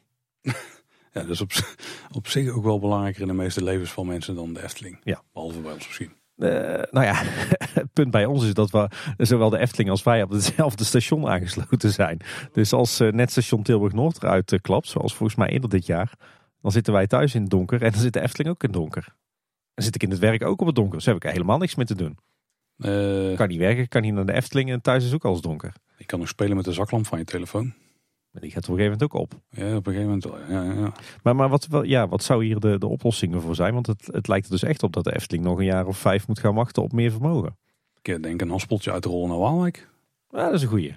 Daar zullen ze vast niet aan gedacht hebben. Nee, dat denk ik niet, toch? Soms moet iemand gewoon een simpele oplossing aandragen. ja. Maar daar zit ook zo'n zo'n tussenstation, toch? Ja, klopt. Ik, ja, ik, het zal praktisch niet zo kunnen, maar baal dat je dan, want daar zit volgens mij nog wel capaciteit op. Zeker gezien de aanbreiding die Waalwijk kan doen op het industrieterrein en zo. Nee, nee, nee, dat stond vandaag ook in de krant. Oh. Um, zit ook aan de max? De, die is pas nieuw gebouwd. Alleen op het moment dat ze hem aan het bouwen waren, zat hij al aan de max. En was er alweer meer vraag dan dat er aanbod was. Dus het loopt echt, ik geloof dat de, de stroomvraag de komende jaren vervijfvoudigt. Dankzij het verduurzamen. Vijfvoudigt? Ja. Dan moeten nog eens wel mensen opnieuw gaan rekenen, denk ik. Is echt zo. We gaan elektrisch verwarmen, elektrisch koelen. Er komen zonnepanelen bij windmolens. Dan moeten ze wel beter isoleren. Dat kost niet vijf keer meer energie. Ja. nou, Oké, okay, dat tezijde. Um, ik heb geen idee wat ze erin kunnen doen. Ze kunnen gewoon niks doen. Dan lost het met de tijd zichzelf op als die verzwaring uiteindelijk wordt doorgevoerd. Maar dat kan nog even duren. Dan zitten we echt vier jaar stil. In principe zou je kunnen stellen dat er vier jaar gaat zitten tussen de volgende grote uitbreiding en alle verduurzaamheidsslagen die zullen maken in het park. Ja. Ja, en misschien dat ze dus toch wel een probleem hebben als ze op een, uh, op een donkere dag straks het hele park hebben draaien met Dans Macabre en het hotel erbij. Ja, je zou dan nog kunnen zeggen, misschien moet je dan windmolens neerzetten. Maar dat is niet iets wat je zomaar even kunt doen. nee. Daar zal de vergunning ook niet zomaar eh, voor zijn. Dat is iets lastiger dan bij zonnepanelen. Ik denk dat ze het echt moeten gaan zoeken in het verbruik. Ik denk dat ze echt het, het vermogen wat ze binnenkrijgen en het vermogen wat ze nodig hebben, dat ze dat echt strak moeten gaan monitoren. En dat als op een gegeven moment blijkt dat ze op een dag tekort gaan komen, dat ze echt keuzes moeten gaan maken. Nou, het zou best kunnen zijn dat je van die situaties krijgt dat uh, Piranha bijvoorbeeld moet gaan sluiten als Aquanura gaat draaien of zo. Ja, ja, of, of helemaal geen Aquanura in bepaalde periodes. Of de, de piranha gewoon een paar maanden stilleggen. En de periodes waarin je het grootste tekort hebt aan vermogen. Nou, dat is gelukkig dan wel de winter, dus dat scheelt. Ja, misschien moeten ze ook iets met opslag gaan doen van energie. Want dan kun je natuurlijk de energie die je overdag opwekt, uh, die je over hebt, kun je dan gewoon, die kun je dan opslaan in batterijen of net wat dan ook. Dat is waarschijnlijk wel het meest voor de hand liggend. Dat je s'avonds in ieder geval iets van elektriciteit hebt om het terug te leveren. En je kunt spelen met de openingstijden van je, van je park. Ja. Maar het zijn allemaal niet, uh, ja. niet maatregelen waar we heel vrolijk van worden. Nee, maar wel weer zo'n omgevingsfactor waar de Efteling zelf weinig aan kan doen. Integendeel, ze hadden zelf, dachten ze al wel slim te zijn door die enorm lange dikke stroomkabel aan te leggen. Maar ja, dat is tot op heden meer een desinvestering dan een nuttige investering geweest, blijkt. Maar uh, ja, hier, hier, kunnen ze gewoon niks aan doen. Eigenlijk net zoals uh, een aantal andere problemen waar ze natuurlijk mee kampen als het gaat om, uh, om de toekomst en uitbreidingen. Denk aan, aan het hele stikstofverhaal. Ja, ik ben bang dat ze hier de oplossing toch voorlopig voor op eigen terrein moeten zoeken in ja, de energiebesparing. Hmm, ja, nog een, een tegenvaller. Maar laten we naar iets, iets leuks gaan. Ja, iets leuks Tim. De Efteling die is even vakkundig bezig om het hele onderhoudsblokje van ons onderuit te schoffelen. Want die hebben zelf uitgebreid aandacht besteed aan het onderhoud wat in de eerste helft van het jaar heeft plaatsgevonden. Nou, als je dat artikel las, dan leek het net alsof het gewoon een, een onderhoudsblokje van Kleine Boodschap uitgeschreven was. Ja, maar dan wel beknopt Tim. Ik weet niet hoe ze dat doen. Hm, misschien moet ik in, in training bij de afdeling die je blog schrijft. En niet alleen dat, niet alleen terugkijken trouwens. Het zijn ook wat aankondigingen van wat er nog gaat gebeuren na de zomer. In best wel veel detail. En uh, als we dan kijken naar de terugblik, dan zitten er een aantal punten bij die wij zelf niet echt hebben gemeld of nog niet zeker wisten. Zoals bijvoorbeeld het onderhoud bij Baron 1898, daar hebben ze de liftketting vervangen. Uh, daar hebben ze natuurlijk wat onderdelen van gebruikt voor op het Python, uh, of het podium. Het Python podium ook het doen, maar het podium in het draagrijk. Dus een sterk steltje staalkrachtshow. Als je het niet zo voor je neus hebt in de draaiboek is het toch lastig? Lastig, ja precies. uh, bij de Python werd de kettingbak dus vervangen en ook de remmen werden vernieuwd. Die doen het goed, kan ik uit eigen ervaring vertellen. Tak, tak, tak, tak, tak, tak, tak. Nou, ook gewoon de remmen, dan zit je even... Dat is het enige moment dat je die beugels echt nodig hebt, zeg maar. ik vind dat zo'n heerlijk geluid als die remmen dicht staan daar. Bij de kindersporen zijn blijkbaar ook wat rieten daken vernieuwd. Heb ik nog niet gezien. Misschien gaat het nog gebeuren. Ja, als we, ja, bij, die, ja bij die huisjes in het parcours. Dat zou zomaar kunnen. Nou, de halve maan die lijkt stil te liggen vanwege het vermoeden van slijtage. Zouden dat dan toch de lagers van de as bovenin zijn of zo? Dat is iets wat wel slijt op de deur, zou zomaar kunnen. En uh, ook dat er bij de brutale aap wat wijzigingen zijn doorgevoerd. Zoals onder andere het toevoegen van elektrische grillplaten. En het poffertje heeft ook een grotere elektrische bakplaat gekregen. Dat wist natuurlijk wel dat die groter was, maar ook dus elektrisch. En er staat zowaar een, uh, een trein bovenop. Een trein? Ja. Er staat een uh, poffertjesbeslag treintje op de bakplaat van oh, het zo'n ding. Ja. Zo'n soort wagonnetje waar dan steeds de, het beslag uitvalt wat de gaatjes vult. Of de ja. teuken vult. En dan kun je, uh, vet. Met echte wielcarriers eronder. Uh, de toiletten bij de Gulden Gade die werden ook nog even aangehaald. Want dat bleek inderdaad een pilot te zijn van het, uh, van het toilettenproject. Zoals wij zelf al dachten. En dit is dus wel een onderdeel van een groter plan. Ondanks dat ooit is gecommuniceerd dat dat niet het geval was. Maar dat is toch wel duidelijk hè? Ja, inderdaad. Want in, in dit uh, blogbericht kondigde de Efteling aan dat later dit jaar nog een toiletgroep wordt opgeknapt in het park. welke precies, dat wordt nog bepaald. Oeh. Klinkt dus toch als een, misschien een, een aanpak verspreid over meer jaren in verschillende fases. Wat zou de volgende zijn? Het Witte Paard? Dat hoop ik namelijk. Witte Paard, café-restaurant? Ja, café-restaurant, dat dacht ik eerst ook. Maar zou ze het niet gewoon laten voor wat het is voor nu? Ja, daar zit wel wat in, ja. Ja, dan, dan neig ik toch naar, uh, naar Witte Paard. Hoop ik. Dat zou mooi zijn. En uh, ze gaan ook wat dingen doen aan attracties. In september staat er bijvoorbeeld onderuit gepland bij Vogelrok. Maar ze gaan ook de staalkabel van de gondoletten wederom een keer vervangen. En ze gaan ook de stoomtreinen onderuit gooien. Ze worden helemaal nagekeken. Onderdelen worden vervangen en ze krijgen een extra coating. Neefje die wordt ook helemaal nagekeken en die gaat opnieuw geschilderd worden. Ja, dat gedacht dat dat ooit nog uh, ging gebeuren. Neefje is natuurlijk de, de lok die al heel lang buiten gebruik is, maar die uh, uh, staat opgesteld op het Tom van de Venplein op de Sint-Nicolaasplaats als klimobject voor de kinderen. En ik ben benieuwd, zou dit nou betekenen dat, dat zelfs Aagje eindelijk opgeknapt gaat worden en weer gaat rijden? Hmm, misschien dat ze daar wel een poging toe gaan wagen, maar dat ze dat niet eens durven toe te zeggen. nou ja, ze hadden het echt over alle locomotieven van de stoomtrein. Oeh ja, nou ja, die uh, kunnen nog steeds als een locomotief zien. Ja. Ondanks dat ze half uit elkaar ligt op dit moment. Ja, het, evenals treintje. Uh, het is waar, ja, maar dan kan een uh, betonwagen op rechts. In het Sprookjesbos gaan ze ook nog wat zaken aanpakken. Er worden nog wat onderdelen vervangen bij de Trollenkoning. Of zou de timing hier een beetje vreemd zijn? Want daar zat een nieuw masker op, toch? Gaat er nog meer vervangen worden? Dan? Ja, volgens mij stond het zo beschreven in het artikel dat er nog meer vervangen gaat worden. Oké. En bij Langnek gaan we vanaf half juli groot onderhoud zien. Het is wel vreemd midden in de zomer, maar dan gaan ze de bewegingstechniek onderhouden en de vijver schoonmaken. Ik ben benieuwd of ze daar ook even goed naar de, de waterstand in die vijver kijken. Want het komt de laatste tijd wel eens voor dat de vijver helemaal tot aan de nek toe gevuld staat. Alleen dan loopt het water vanuit de vijver via dat lage opstaande randje zo het plein op. Het plein op, dat is de verkeerde kant. Dat is ook een uh, klein overloopje maken. Dat is wel leuk. Ik zag laatst in een LinkedIn bericht dat, uh, dat uh, een van de medewerkers van de Efteling het had over het Sprookjesbos team. Dus zou er één vast projectteam zijn wat alle onderhoudsprojecten in het Sprookjesbos aanpakt. Oh, netjes. Werk je dan uh, 80 uur in de week, denk ik. Uh, als je ziet hoeveel er in het Sprookjesbos gebeurt. En wat dan begin september gaat gebeuren is uh, de start van het groot onderhoud bij Doornroosje. Daar ben ik heel benieuwd naar wat ze daar gaan doen. Ik ook. En tot slot krijgt ook het zandkasteel van Klaas Vaak in de Grote Vijver in Bosrijk groot onderhoud. een aantal onderdelen worden vernieuwd. Misschien de, de showtechniek. En daarvoor wordt een stijger gebouwd in de vijver. Ja, dan doen we naar het reguliere onderhoudsblokje, Tim. Volgens mij moeten we beginnen in Fantasierijk, want Euje Punctueel die uh, heeft wat probleempjes daar op de trap. Ja, inderdaad. Er werd al eh, gegrapt dat hij Parkinson zou hebben. Nou, vond ik dat een iets minder geslacht grapje. Maar er was iets mis met die animatronic, hè? Want hij stond uh, flink op en neer te stuiteren. Is dit een Garner Holt of is dit een Efteling eigen creatie? Want volgens mij is het een mix in Symbolica, toch? Ja, volgens mij zijn het in Symbolica Garner Holt animatronics met maskers van de Efteling. Oh, zo, oké. Hm. Maar in eerste instantie dacht ik dat het iets mechanisch was. Maar het was zo als die, de figuur een beweging maakte, die was geprogrammeerd. Dan was er niks aan de hand. Maar dan de momenten tussen de bewegingen in, uh, waarin, er, waarin dat hij normaal gesproken zou stilstaan, dan gebeurde dat. Hm. Dus blijkbaar zat er softwarematig dan iets fout of zo oh. in de programmering. En als we dan bij de toiletten aan de buitenzijde van Polles Keuken gaan kijken, daar had je voorheen zo'n muurschildering staan van het Harthof. Wat natuurlijk het plan was wat ooit na Polles Keuken daar had moeten gaan verschijnen. Ja. Dat is nooit gebeurd. Dus eigenlijk was het nog een soort hommage aan de originele plannen die daar stond. En die schildering die is weggehaald, maar er komt een schildering terug.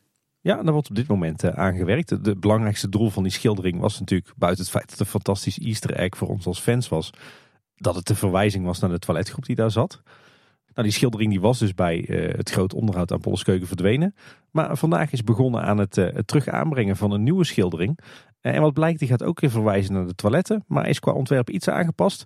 Namelijk niet meer het silhouet van het oude Hartolfplan. Maar het silhouet van de voorgevel van Symbolica en Polleskeuken zelf. En een hoop extra krullen erbij. Dus komt er iets anders uit te zien, maar wel dezelfde look en feel. En ook met de, dezelfde hoeveelheid detail. Wel mooi om te zien dat hij ook helemaal eerst met het potloodje werd opgezet Ja. door twee decorateurs van de Efteling zelf. En daarna met het penseeltje echt prachtig werd ingeschilderd. Echt fantastisch eh, handwerk. Lijkt me trouwens ook echt heerlijk als dat je werk is. Maar eh, ja, nee, heel erg tof dat die muurschildering eh, alsnog terugkomt. Zeker. En dan bij Fabula, daar zien we dat de olifantenfontein het weer doet die in de wachtrijen te zien is. Maar de watervallen buiten, die doen het niet. De watereffecten in de show, die doen het niet. En helaas, de vallende boom, die doet het ook niet meer. En na eh, 88 jaar deed hij het eindelijk weer een Ja. paar weken, maar eh, hangt hij weer stil. Oeh, ik besef me nu dat een aankomend interview wat we hebben gehad, misschien niet door een beetje achterhaald is. Of tegen de tijd dat dat interview uitkomt, dan werkt hij weer. Laten Oh, we daarop zou- hopen. Dat zou zomaar kunnen, dat zou zomaar kunnen. Eh, dan door naar Ruigrijk, Tim. Want we hadden net al even over de halve maan. Hè, dat het waarschijnlijk een slijtage ding is. Nu is het zo dat de halve maan weer in beweging is gezien. Ja. Maar was er voor die tijd allemaal gebeurd? Nou ja, de vorige keer berichten we natuurlijk al aan alle, alle werkzaamheden in de top van het schip, hè, waar ze een, een grote steiger voor eh, hadden opgebouwd. Die is afgebroken, dus ze blijken bovenin wel klaar te zijn met de assen of de, de lagers of de, wat voor besturingstechniek dan ook. Maar wat me nog opviel is dat ze laatst ook aan de onderkant van het, eh, het schip bezig waren.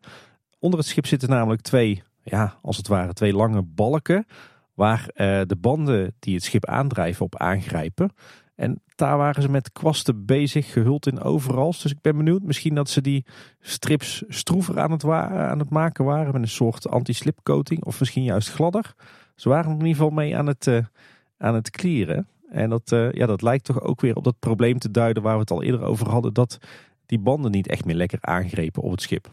Nou, we hebben dus wat eh, beweging al gezien. Maar de attractie die zou eigenlijk 29 juni heropenen. Dat is nog niet gebeurd. In ieder geval niet op het moment van opnemen. Misschien is hij voordat de, de aflevering uitkomt wel weer geopend.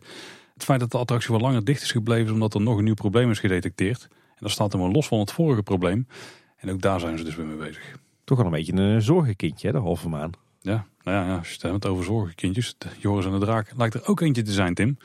Want de loopstrip van de vuurbaan die was daar gescheurd. Op zondag 2 juli is de, ehm, de attractie daarom dicht gegaan. Want de bouwdienst die het dan zou kunnen fixen, die werkte pas weer op maandag. Er waren maandag inderdaad wat eh, reparatiewerkzaamheden. En we hebben de baan inmiddels weer met twee treinen zien rijden. Nou, ik heb die zondag wel Joris en de Draak gedaan. Toen was alleen de waterbaan open en eh, toch stond er maar een wachtrij van, eh, nou wat zal het zijn, 40 minuutjes. Dus ze de rijden lekker door daar met alleen de waterbaan. Ja, dat is ook af te vragen. Want het voordeel is als je wel dezelfde bezetting hebt qua personeel. Dan heb je in één keer, dan, dan kun je in theorie de operations veel, veel efficiënter doen natuurlijk. Zeker met het controleren van de beugels en zo. Mensen helpen. Ja, nou dat liep ook extreem eh, gesmeerd daar. Een voordeel bij een nadeel. En niet echt iets wat in de Efteling is gebeurd, maar wel eh, interessant om even aan te halen. En Dat is, eh, Wat ons ook allemaal bezig hield de afgelopen week. nou inderdaad, want we hebben natuurlijk het probleem gehad met die achtbaan in eh Grunelund, in eh, Stockholm. Natuurlijk een verschrikkelijk ongeval wat er is gebeurd. Dus achtbanen die waren weer even onder een vergrootglas gelegd. En niet heel veel later kwam er een filmpje uit van eh, Fury eh 325. Dat is volgens mij de hoogte van de baan, 325 voet. In Carowinds in de Verenigde Staten. Dat is een B&M achtbaan. Ja. En eh, daar kwam een filmpje dus van uit waarbij de, ja eigenlijk de, de, nou moet ik zeggen, je hebt dus de backbone van de achtbaan. En daarop zit een blok wat dan weer vast zit aan de voeter. En dat blok, dat was dus gewoon dwars doormidden gescheurd. Je zag de scheur al zitten. En bij het moment dat dan de achtbaantrein er langs kwam, toen duwde die de, de baan eigenlijk een centimeter of tien, denk ik, van die verbinding af. Nou, volgens mij zat de scheur zelfs in de kolom zelf. Nog niet eens in een verbindingstuk, maar in de, gewoon het massieve stalen deel van de, van de, van de kolom. Oh, zo, je, nou, ik zit nog eens te kijken. Het was inderdaad gewoon een kolom aan zich, gewoon een, een stalen buis, ja. Ja, een enorme stalen buis. massief staal wat eh, gescheurd is. Zo, Ik eh, schrok er wel van, eerlijk gezegd. Ik moest meteen denken aan, eh, aan die extra stukken staal die zijn bijgelast in die laatste bocht bij, eh, van Baron 1898, daar in die hoek bij eh, de Meermin.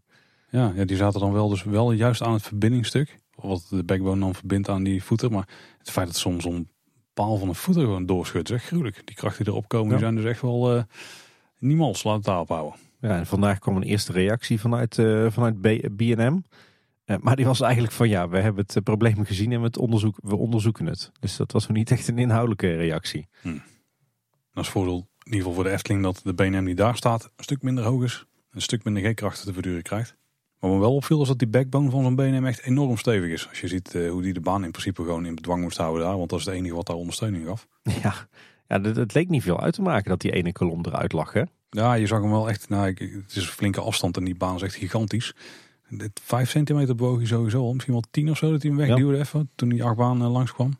Deed de Python voorheen ook hè. Ja, ja, dat was alleen eh, niet helemaal de bedoeling. Nou, steeds een beetje beweging in stijl is niet erg hè. Nee, maar het is ook wel fijn dat eh, de krachten enigszins op bedwang gehouden worden. Beter buigen dan breken. Ja, absoluut, absoluut. Misschien als we dat bij eh, op het hoofdkantoor van B&M ook even in, als een tegeltje op de muur hangen. Zo, nee, ik vind het nog steeds bijzonder dat het is gebeurd. Het blijft een bijzonder gezicht en dit eh, hoop je nergens bij een achtbaan te zien natuurlijk. Nou, een kleine Kasba-update ook nog, Tim. Daar hebben ze wat extra touwen aan het entreegebouwtje toegevoegd. Die hebben ze daar overheen gedrapeerd. Blijven ze aan het tweaken hè. Ja, nou was het niet hebben getweakt, Tim. Dat is eh, de serre, want die is eh, nog steeds lek. Er waren wat flinke regenbuien en eh ze hadden weer een strak gladde vloer daar. Ja, ik zag wat, wat luisteraars van ons die al foto's plaatsen. Dat ze op zeiknatte leren stoelen zaten daar, ja. Je voelt je een beetje als een simbad op open zee als je daar zit dineren. Ja, en ik heb wel een, een goed idee voor een, een nieuw internationaal gerecht in Kasbah. Vertel. Een gerecht uit eh, Antwerpen. Waterzooi. Ik denk dat de manager dat daar wel eens heeft geroepen de afgelopen weken. Hey, en in eh, Reisrijk bij eh, Carnaval Festival helaas nog hardnekkige storingen. Zo staat de draak in de China-scène alweer lange tijd stil. En ook de hartjes van de Moulin Rouge in de Frankrijk-scène zijn nog steeds uit. Classic Carnaval Festival storingen. Hey Tim, dan naar het Marenrijk waar natuurlijk het poffertje is geopend. Ben jij er al geweest? Ja, zeker. Ik moest natuurlijk speciaal voor deze podcast de proef op de som nemen. Dus ik kon niet anders dan lunchen bij eh, het poffertje. Ja, dat is zo zwaar. Ja, alles voor de podcast, alles voor de luisteraars. Wat eh, wil je allemaal op? Ja, dat het prachtig is opgeknapt. Oh, dat is goed nieuws. Ja. Ja, eh, ze hebben natuurlijk daar aan de voorkant eh, het hele poffertje uitgebouwd. Hè, met, die, eh, met name een veel grotere bereidingsruimte met een veel grotere poffertjesbakplaat. Dat merkte je ook echt in de operations, want de poffertjes werden veel sneller uitgeserveerd. Maar aan de buitenkant hebben ze natuurlijk zo'n nieuw front gemaakt hè, van hout. Daar zit nu ook de bestikkering op. Even los van het feit dat het geen handschildering is, maar een bestikkering ziet het er prachtig uit. Met een hele mooie piektekening en ook heel mooi netjes de naam van het, eh, het horecapunt erop aangebracht. Hè. Mooi in zo'n eh, ja, zo'n perkamentrol, hè, het poffertje. Trouwens wel opvallend, want in een eerder ontwerp wat we op de blog zaten, eh, zagen, zou de naam van het horecapunt niet meer terugkomen, maar zouden we daar poffertjes lezen. Maar ze hebben nu dus, dat dus toch weer aangepast, dat ontwerp. En nu staat er weer netjes het poffertje op de voorgevel. Beter eigenlijk. Hè? Heel fraai. Er zijn inmiddels ook nieuwe houten balustrades geplaatst rond het verhoogde terras. Ehm, ook weer voorzien van hele mooie nieuwe eh, verlichtingsarmaturen. Allemaal in de, de oude stijl van het, eh, van het poffertje. Hè, met die eh, rode en die gele tinten. Wat iets minder fraai is, is dat ze die, de, zeg maar de betonrand van het nieuwe verhoogde terras nu hebben afgewerkt.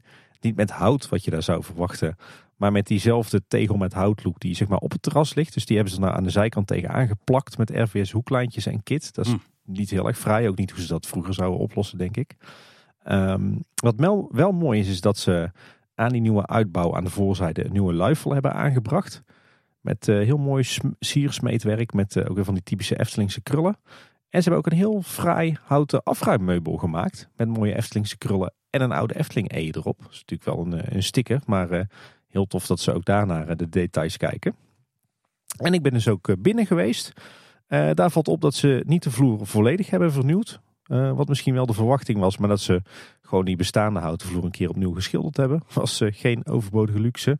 En ook de rest van het, het, de hele poffertjestent, die helemaal van hout is, die hebben ze opnieuw afgelakt. En ook alle technische installaties in het gebouwtje zijn eh, volledig vernieuwd. En weer helemaal eh, up-to-date. Iets wat we natuurlijk de laatste paar jaren eh, overal wel zien bij iedere onderhoudsbeurt. En volgens mij is ook hier extra aandacht voor de muziek geweest. Is er zo? Ja, want het, volgens mij draaide hier altijd al wel die standaard horeca-achtergrondmuziek. Hè. Die is al wat, wat, wat ouder. maar er zit nu ook een fragmentje tussen met een soort speeldoosjesmuziek. En die kende ik nog niet. Is dat niet de muziek uit uh, Diorama bijvoorbeeld of zo? Nee. Een nieuwe? Nee, het, ik, ik weet het niet precies. Want ik was vooral druk met mijn kinderen en mijn poffertjes. Maar uh, ja, nee, volgens mij hebben we ook hier een nieuw muziekstuk. Wat, wat hier heel erg op zijn plaats is. Bij Audio Cult niet stilgezet hier. Nee, inderdaad. Eigenlijk wat omzet gedraaid de laatste, laatste weken. Maar uh, nee, een, een hele goede, grondige opknapbeurt hier. Met, met respect voor het verleden.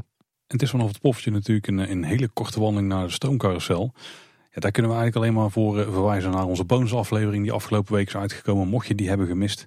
Maar daarbij kregen we een rondleiding eh, langs het onderhoud aan de stoomcarousel. Waarbij de stoomcarousel open lag en wij zo goed mogelijk proberen te beschrijven wat we precies zagen. En hoe de stoomcarousel dan, uh, dan werkt. En ook waar alle vetnempels zitten, Tim. Soms op verrassende plekken.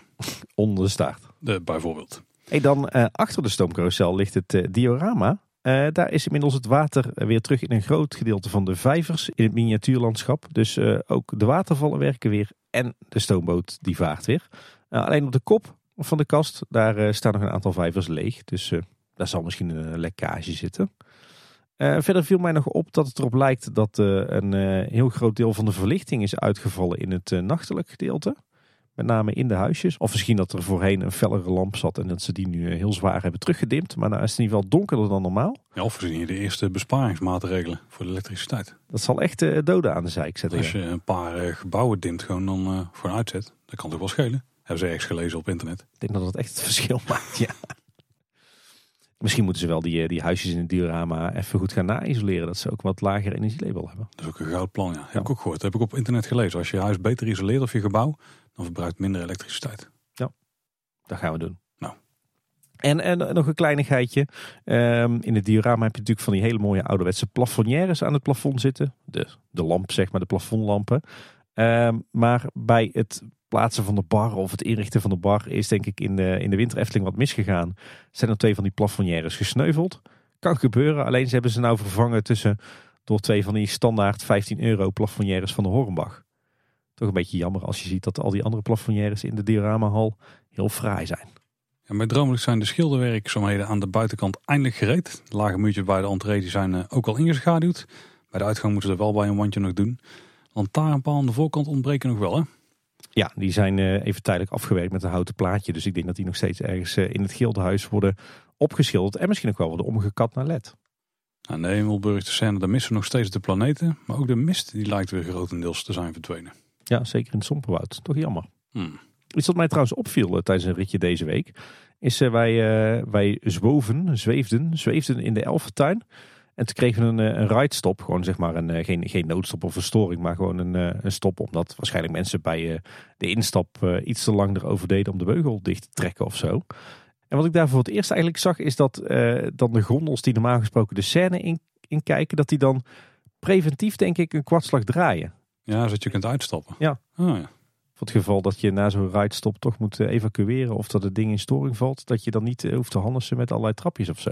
Als er de stroom uitvalt, dan, eh, dan staat hij al juist. Ja. Slim. Ja. heel, heel slim ingeprogrammeerd. In de meandering kreeg ik nog wel een helder moment. Hoe was de manier elektriciteit gebruikt uit het park, Tim? nee, nee. Ehm, ik weet niet of je het nog kan herinneren, maar eerder dit jaar hebben wij volgens mij bericht dat het zo opviel dat overal in het park nieuwe bordjes werden geplaatst bij attracties met uh, verboden te eten en te drinken, met van die, die standaard eh, pictogrammen. Mm Ik vroeg me dan af waar, waarom we ineens al die, uh, die bordjes vervangen. Maar daar blijkt een goede reden voor te zijn, want voorheen in het verleden waren die verbodsbordjes vaak gecombineerd met een rookverbod. Maar ja, nu er een algemeen rookverbod in de hele Efteling is, wil je natuurlijk geen rookverbod meer bij de toegangsdeur van de attractie hebben. Want dat zorgt alleen maar voor verwarring. Ja, dan denk je, je mag er buiten misschien nog wel roken. Ja. ja. Dus wat hebben ze blijkbaar gedaan? Ze hebben al die gecombineerde verbodsbordjes weggehaald. En nieuwe verbodsbordjes met verboden te eten en te drinken voor teruggangen. Hmm, Oké, zit twee, ja.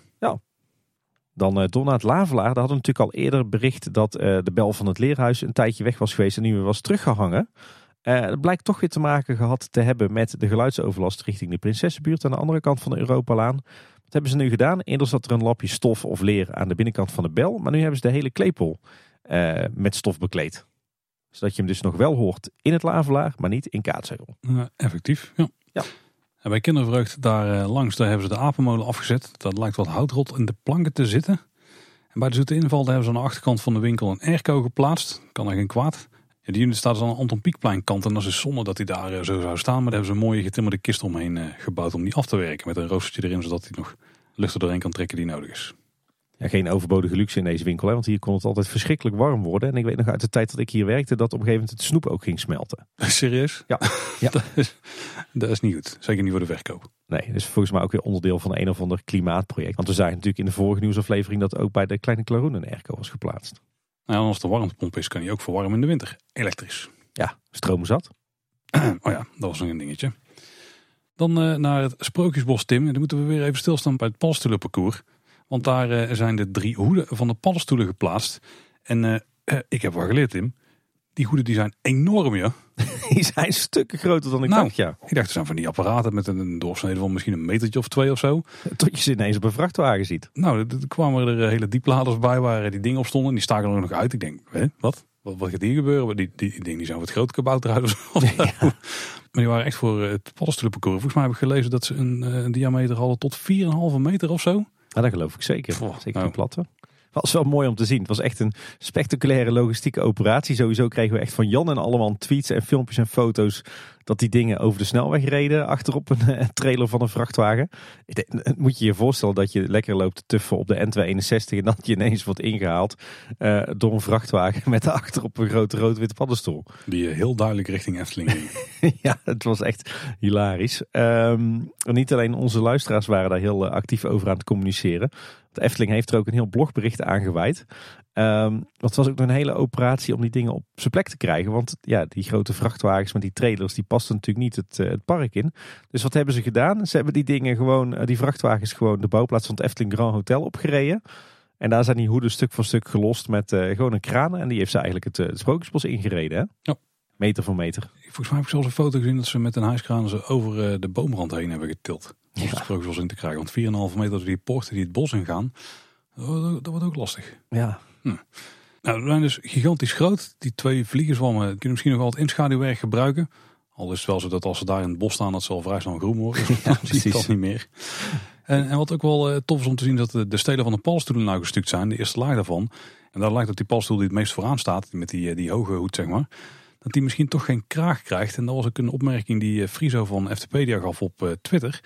Dat, dat zo'n type paddenstoel helemaal niet zo'n kraagje heeft. Dus zo'n uh, lamellen rand eromheen zeg maar. En die lijkt ook niet te gaan krijgen. Nee, zou ze het ontwerp van Karel hebben aangepast naar aanleiding van die opmerking? Dat zou zomaar kunnen. Ja, de eerste concept had dat natuurlijk die, uh, die kraag. Misschien is dat later in het proces sowieso al aangepast. Of misschien aan de hand van de feedback. Misschien hebben ze wel een paddenstoeloloog uh, ingehuurd om Zo. eens goed naar het uh, ontwerp te kijken. Dat is een fancy titel. Nou, het nieuwe bruggetje is ook opgemetseld. Door de bouwdienst zelf ziet er tof uit. En aan de buitenzijde is die al gestuukt en voorzien van een grote kei als van die afdekkers bovenop. En het wegdek is ook voorzien van kinderkopjes. Ik ben wel benieuwd hoe dat gaat werken. Want dat is voor de rolstoelen er ook overheen moeten gaan misschien niet zo fijn. Maar het is wel een uh, tactiele ervaring. Ja, en als je ze maar lekker uh, goed invoegt, dan uh, is het bijna een vlakke vloer. Hè? Dat is waar, ja. Of gewoon even afstorten met wat epoxy of zo. Ja. Niks meer aan doen, Paul. Ik kan het onderhoudsblokje gewoon overnemen. Nou, de bouwplaats die is ook al wat opgeruimd. Dus ze lijken een beetje, nou, in ieder geval richting het einde van de grove bouwwerkzaamheden te gaan. De grond is ook wel aangevuld. Vijver is opgeschoond. Die kon ik wel echt een opschoonbeurtje gebruiken. Uh, maar het lijkt er wel op dat ondanks dat het vrij vlot lijkt te gaan, dat de oplevering wat is verschoven. Die zou eigenlijk begin van de zomer zijn, maar dat wordt nu eind van de zomer. Ja, wel logisch als je het nog ziet wat er nog moet gebeuren. Zeker qua het aanbrengen van details in en aan die paddenstoelen. Dan moeten ze nog wel wat, wat werk verzetten. Maar het grootste deel van het werk is natuurlijk gebeurd. En ik vind het wel heel cool dat het hier gewoon de eigen bouwdienst is die die paddenstoeltjes opbouwt. En niet een of andere externe aannemer. Dan nog wat kleinigheidjes in het Sprookjesbos. Er is eindelijk weer een flesje wijn te vinden in het mandje van uh, Roodkapje. Die was natuurlijk lange tijd geleden al verdwenen. Waarschijnlijk dankzij grijpgrage handjes.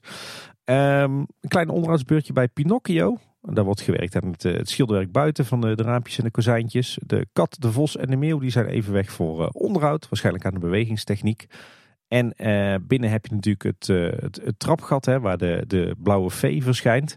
Um, er zit een trapleuning aan de muur en die is meermaals beschadigd, waardoor er allerlei eh, stukken van af zijn geklapt. Dat ding is gewoon van polyester of van schuim met een laagje polyester eroverheen. En die trapleuning hebben ze nu weggehaald. Dus ik kan me zomaar voorstellen dat die in de werkplaats van vormgeving ligt voor een, een opknapbeurtje. Verder berichten we de vorige keer dat de draak lichtgeraakt weer eens uit elkaar lag. Of althans, die had een onderkaak die helemaal los hing. Die is inmiddels weer netjes hersteld, dus dat werkt allemaal super. Ehm, en waar het, het muurtje van vrouw Holle eindelijk was, was opgeknapt na een aanrijschade, hebben ze vandaag met, denk ik met grof geschut tegen het muurtje bij Hans en Grietje aangezeten. Want daar is een heel stuk van de buitenmuur aan het pad ja, aan gruzelementen gereden. Dat is echt een heel stuk van het metselwerk vanaf. Ze moeten rijlessen gaan geven aan al die chauffeurs van die akkikarren. Of anti-aanrijpalen rond alle sprookjes. Ja, Oké, okay, laten we dan toch op die, op die rijlessen houden. Ja. Hey, bij Assenpoester eh, werd natuurlijk gemetseld en gestuukt aan een nieuwe dienstpoort. En daar hangt inmiddels ook de, de houten poort in. Dus uh, mooi fraai gedetailleerd, ook met, uh, met grote gehengen. Moet denk ik nog wel een keer afgelakt worden. Netjes nat in nat, want die is nu nog even piekblauw. En dan gaan we door naar het, nou ja, denk toch wel het grootste onderhoudsproject in Sprookjes op dit moment. De opknapbeurt van het Herautenplein. Dat nadert zijn voltooiing. We berichten eerder al dat er werd gewerkt aan nieuwe slootjes langs de kasteelmuur. En wat blijkt, voorheen waren dat natuurlijke greppels waar af en toe water in stond. Maar nu wordt het echt strakke, moderne vijvers met vijverfolie en een nette houten beschoeiing. dus ja, het lijkt erop dat hier gewoon permanent water in gaat staan en dat het ook netjes ververst gaat worden.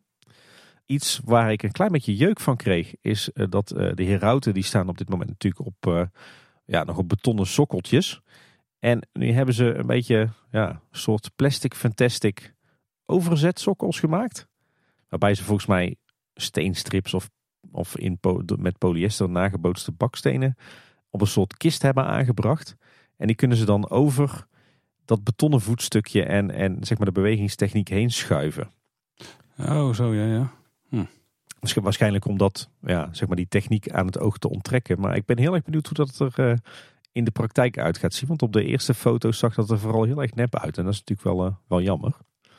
En tot slot opvallend, um, in die vier grasveldjes rond de Kikkerkoningfontein, daar vonden we natuurlijk in het midden voorheen uh, gewoon stukjes plantsoen uitgespaard in het gras. Waar, uh, waar mooie buxus in stonden die gevormsnoeid waren. Nou, die, nou, die plantvakken die zijn uh, dichtgestraat met flagstones. En daar staan nu, zoals we al dachten, grote potten op met daarin ja, coniferen die in een soort kegelvorm zijn gesnoeid. Er zijn trouwens wel echt reuze potten van beton met een soort van ja, randen erin gemaakt. Ik moet nog even wennen aan het, uh, aan het gezicht, moet ik zeggen. De potten lijken wel heel erg ja, modern te ogen. Uh, maar misschien is het ook vooral het formaat. Want die potten en die struiken die erin staan, die zijn echt enorm groot ten opzichte van het struikje wat daar voorheen in het gras stond. Ik had zelf dan toch eerder hier voor een subtiele terracotta pot gekozen of zo. Ik ben heel erg benieuwd naar het eindresultaat straks. Ik hoop niet dat het met die, met die vijverfolie en deze betonnen potten en die plastic fantastic uh, sokkeltjes, dat het uh, te nieuw gaat ogen hier. Nou, dan door naar de kikkerkoningfontein. Uh, die lijkt een heel eind klaar, want de vier kikkers die zijn daar teruggeplaatst. Heel mooi gedecoreerd, wat mij betreft ook een stuk fraaier dan voorheen. Dus dat hebben ze heel mooi opgeknapt. Verder in de fonteinbak in het midden hebben ze weer een muurtje van keien opgestapeld rond de fontein. Zoals we dat daar in het verleden ook vonden. Uh, dat nieuwe rooster wat ze daar gingen plaatsen, wat op pootjes stond, met van die mooie smeedijzeren krullen, dat lijkt nu toch ingekocht te zijn. Dus dat komt denk ik toch op die, uh, dat betonnen muurtje te liggen, net zoals voorheen. En ze hebben daar ook uh, nieuwe LED-spotjes geplaatst. Dus ik denk dat dat sprookje over een, over een aantal dagen wel klaar zal zijn. En tot slot goed nieuws over de Chinese nachtegaal. Want daar werkt de deur weer waar de twee bedienden achter verschijnen. En als we dan naar de wereld van Efteling kijken, dan hebben we nog wat eh, follow-up op die eh, shuttlebussen die nu rondrijden tussen de resorts, het hotel en het park. Uh, daar hebben we, een, we hadden al één bus gespot hè, met die hele kleine sticker op de zijkant. Maar er blijken nou minstens twee bussen te zijn. Volgens mij met afwijkende stickergroottes. Maar dat kan ook wel inschatting zijn die dat verkeerd heeft gezien. Dat is inderdaad jouw perceptie. Want van de week stonden ze achter elkaar bij de Kiss Ride bij de fietsenstalling. En die bussen zijn echt identiek. Oké. Okay. Uh, ik heb namelijk begrepen van een luisteraar. Uh, die had het namelijk gewoon gevraagd aan de bestuurder van een van die shuttlebussen. Dat die treintjes, weet je wel, met die hele duurzame met zo'n accu pakket en zo erin dat die dus blijkbaar vanwege technische problemen niet meer rijden. Ah. En dat dit de vervanging is. Misschien wel semi-permanent, want het is niet 100% zeker dat die treintjes nog terugkomen. Hmm. Dus dat is uh, wat daar aan de hand is. Ja, deze bussen die zijn volgens mij ook volledig elektrisch toch? Dus dat is net zo duurzaam en uh, minstens zo comfortabel. En ook gebaseerd op technieken die, uh, die op iets meer plekken worden toegepast. En ik had ook nog de hoop dat er een soort van paadje door het bos zou komen. Ongeveer op de plek waar die um, waar die sleuf was getrokken om eh, de leidingen voor het nieuwe zonnepark erheen te leiden. Maar dat is in ieder geval niet het geval, want die eh, is nou afgewerkt. Het is ook vrij scheef afgewerkt in, de, in lijn met die, eh, die heuvel die daar ligt. En daar gaat geen paadje verschijnen. Dat is alleen voor de kabel. Ja. Overigens over die kabel uh, gesproken. Zeg maar de kabel tussen de nieuwe zonneweide aan de Eftelingse straat en uh, het bestaande elektriciteitsnet van de Efteling. Die ligt er inmiddels helemaal in en de sleuf ligt ook helemaal dicht. Die hebben ze helemaal afgezet met hekken. Ik ben benieuwd waarom. Misschien dat ze bang zijn voor drijfzand of zo. Maar anders kan ik me niet voorstellen waarom je een kabelsleuf afzet met paal en draad. Toch? Het zou uh, nergens voor nodig moeten zijn. Het is natuurlijk niet op andere plekken waar die ligt. Nee. En eh, er zijn hier ook nog wat extra bomen gekapt aan de Eftelingse straat. Tussen zeg maar het, het Duits bosje en het parkeerterrein van Bosrijk. Het bestaande parkeerterrein. En het lijkt erop dat ook daar dat kabeltracé komt te lopen. Dus dat gaat uh, op die manier uh, uiteindelijk helemaal richting de Efteling-entree, waar volgens mij eh, de transformator staat waar die kabels op worden aangesloten. En dan door naar het eh, Golden Tulip Efteling Hotel. Oh nee, zo heet het natuurlijk alleen in de beginjaren. nou, ik weet er wel waar je op doelt, denk ik, ja. ja het, is, eigenlijk is het nu weer het Golden Tulip Efteling Hotel, toch? Ja, dat zou je het ook kunnen Vier Golden Tulips. Er wordt nog steeds hard gewerkt aan het, eh, het schilderonderhoud aan de buitengevels. Inmiddels zijn drie van de vier gevels helemaal klaar. En er, zijn, er is ook nog maar één oranje torentje. En daarbij valt op dat die, uh, die stukwerkbanden in de gevels dat die wat feller uh, lichtgeel zijn geschilderd dan voorheen. Of misschien is het gewoon omdat ze lekker opgefrist zijn. Maar, maar ik moet zeggen dat het gebouw er echt wel uh, van opknapt van die schilderbeurt. En van de week viel me nog op dat ze ook weer een of ander item van de luchtbehandeling of van de afzuiging van het dak hadden afgetakeld. Dan mag ik een keer naar, hoe lang staat, ding, staat dat ding er al? Bijna 30 jaar? Meer dan 30 jaar? Meer dan 30 jaar, ja. ja. Ik ga ervan uit dat die ondertussen wel een keer is vervangen. Dan hoef je geen mailtje op te sturen. Uh, bij Bosrijk, daar is het nieuwe parkeerterrein al tijdelijk in gebruik genomen. Dat was gewoon parkeren op puin nog. Ik zag er vandaag weer uh, vlot een uh, loader overheen rijden. Dus die zal er wel weer iets aan het opknappen geweest zijn. Want dat was niet echt Eftelingenwaardig op dat moment. Dat moet toch op een gegeven moment een laagje asfalt overheen, zou je zeggen? Ik denk dat daar wel op uit gaat komen, ja. ja. En in het Loonse Land vindt onderuit plaats aan de halfverharding. Je weet wel, die, beetje die lichtgele paadjes van, ja wat is het? Een beetje grind, een beetje leemachtig product. Uh, die zijn allemaal netjes opgeknapt. Best verrassend, want uh, er waren plannen om uh, die halfverharding te vervangen door uh, gekleurd asfalt. Dat die paadjes in de herfst en in de winter nu eenmaal snel modderig worden. Maar blijkbaar blijft deze halfverharding toch gehandhaafd voor het bosgevoel. En de afgelopen week is druk gewerkt aan het snoeionderhoud van de bomen op de hoofdparkeerplaats. En eigenlijk in de hele wereld van de Eftelingen. Met Bosrijk, Loonse Land, het Duitse bosje alles, uh, alle bomen zijn onder handen genomen en uh, wat opgekroond en alle dood hout is er uitgesnoeid. En er moet ook eens gekeken worden naar de verkeerslichten op de Europalaan. Want die waren buiten bedrijf en dat resulteerde op zondagmiddag 25 juni in een ongeval op de Europalaan bij de inrit van de Efteling. Daar, la, zaten twee auto's in de kreukels, er waren meerdere licht gewonden. En die zijn uiteindelijk gelukkig geholpen door de RBO van de Efteling en een ambulance. Ja, zonder dat het nodig is. Dus daar gaat iets nog niet helemaal lekker. Nee, de, die verkeerslichten liggen er om de havenklap uit. Deze keer was het dan bij de inrit van de Efteling, maar meestal is het te doen op de kruising van uh, de Europla met de Hoogste. Ja, nou. Slordig. En de overdekte fietsstalling bij kantoor Ravelijn is geplaatst. Ziet er prima uit. Het is een mooie stalen constructie geworden met daarop een transparant dak. Uh, met piekse krullen in uh, de constructie trouwens. Dus ze kunnen daar chic hun fiets wegzetten. Ja, ik had verwacht dat we hier gewoon af, een uh, overkapping uit uh, de catalogus van Overtoom zouden krijgen. Maar, uh, Zeker op zo'n plek, ja. Gewoon echt een special met piekse krullen. Absoluut, ja, ziet er goed uit. Dan door naar het kort nieuws, Tim. En dan beginnen we eerst met het treurig nieuws. Want Ruud Bos is overleden op 87-jarige leeftijd. En Ruud kennen we natuurlijk als groot componist en in de Efteling verantwoordelijk voor de muziek van onder andere Carnaval Festival, Villa Volta, Droomvlucht en natuurlijk Fata Morgana. En Vogelrok niet te vergeten. Ik zou ook onder andere. Nee, zeker. En uh, ja, nou, Ruud is helaas heen gegaan. Er zijn inmiddels wat eerbetonen al online gekomen. Ik denk dat ze je het beste daar naartoe kunnen verwijzen. Want over Ruud Bos zouden wij zelf een losse aflevering kunnen maken. En, en dat zou ook zomaar ooit kunnen gaan gebeuren. Maar wat we in ieder geval kunnen tippen is de aflevering van Ochtend in Pretparkland. Seizoen 9, aflevering 58. Op dit moment de meest recente. Een eerbetoon aan Ruud Bos, waarbij Erwin even terugdenkt aan zijn interview met Ruud Bos. En die daarna ook volledig laat horen. We hebben ook een, eerbetoon van René Merkelbach gezien. Die werd geïnterviewd door Omroep Brabant. Waarbij hij terugkeek naar Ruud en alles wat hij heeft betekend voor de Efteling. En uh, nou wat een voorbeeld die nog steeds voor René is. En wat we natuurlijk niet mogen vergeten, niet vanwege het overlijden van Ruud, maar gewoon in het algemeen. De documentaire die de Vijf Zintuigen heeft gemaakt over Ruud. En uh, de familie van Ruud sterkte. En Tim, ik denk dat de, kans dat we nog iets nieuws van Ruud zouden gaan horen in de Efteling, die was extreem klein al. Want zo actief als componist was hij niet meer volgens mij. Maar nou, voelt toch wel als een groot verlies. Ja, een belangrijk persoon uit de Efteling geschiedenis is heen gegaan. Hè? En ik denk dat Ruud Bos echt wel ja, de toon heeft gezet met speciaal uh, voor een attractie gecomponeerde muziek. Want het was uh, voor zijn, uh, zijn introductie bij de Efteling natuurlijk absoluut geen gemeengoed. Nee. Als je zou moeten kiezen, wat, wat was jouw favoriete Ruud Bos compositie? We hebben er ooit al eens een aflevering over gemaakt, maar ja. dat is echt een eeuwigheid geleden. Ja, dat zit in Fata Morgana. Ik denk de Jungle en Harbor daar, daar zijn wel echt favorietjes. Ja. Ja. ja, ik ga dan toch denk ik voor of de, de, de hoofdtune van Villa Volta. Of inderdaad de jungle in Fata Morgana. Dan zeggen de kastelenrijk het ook altijd goed hoor. Nou, in ieder geval Ruud heeft heel veel mooie muziek gemaakt van Efteling. En daar kunnen we nog steeds van genieten natuurlijk.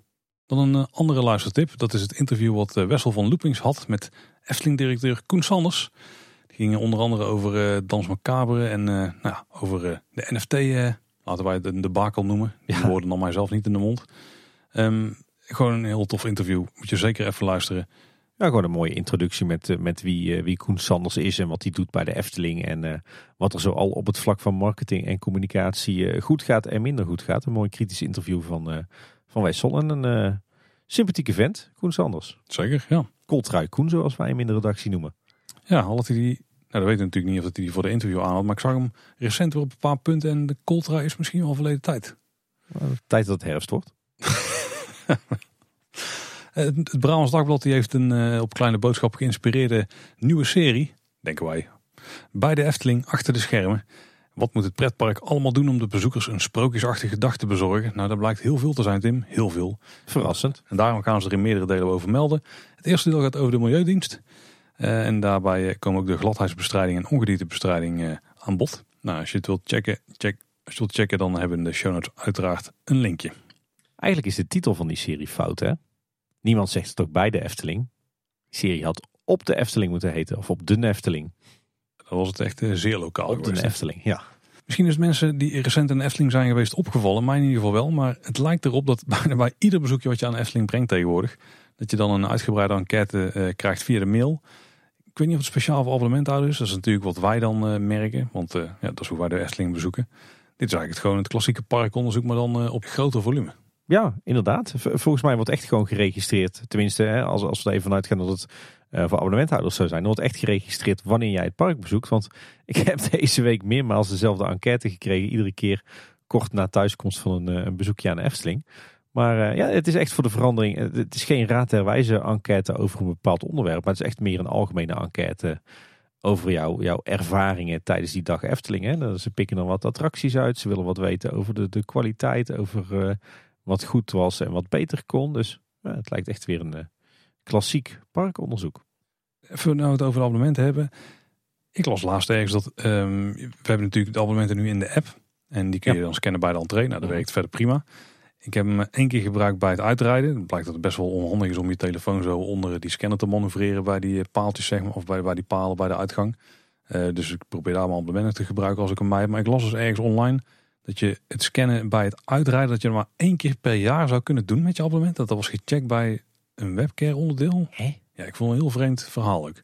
Klinkt als een heel vreemd verhaal inderdaad. Maar er waren best wel mensen die beaamden van, ja, heeft het inderdaad één keer gedaan, daarna niet meer. Nou, als dat zo is, draai daar maar schouw terug, want dat slaat helemaal nergens op. Maar dan moeten we zelf misschien ook even navragen. Klinkt als een bug. Een bug of een uh, heel vreemde policy.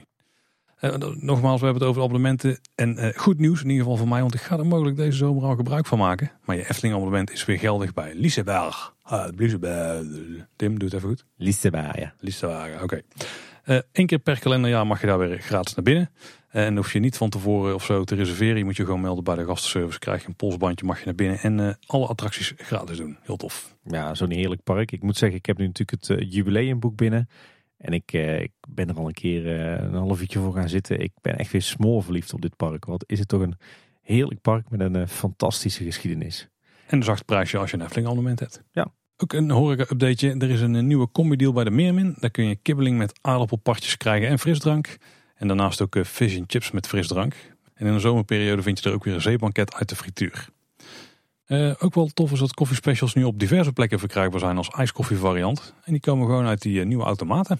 Ja, blijkbaar kunnen die koffieautomaten voortaan niet alleen uh, warme koffie, maar ook koude koffie uitbraken. Als je het zo zegt, klinkt het heel smakelijk, ja. En dan nog een nieuwe merchandise in het park. Blijkbaar was die vorige Jan van Haasteren puzzel van de Efteling enorm populair. Die was in het Sprookjesbos thema. Want er komt een nieuwe variant aan in het Vater Morgana thema. Wederom duizend stukjes, 20 euro. En die zal vanaf juli te krijgen zijn bij Eftelding en de Bazaar. Ja, en ook leuk, kwam vandaag eh, voorbij. Er zijn eh, vier nieuwe t-shirts uitgebracht met een beetje vintage design en eh, wat leuke kreten eronder.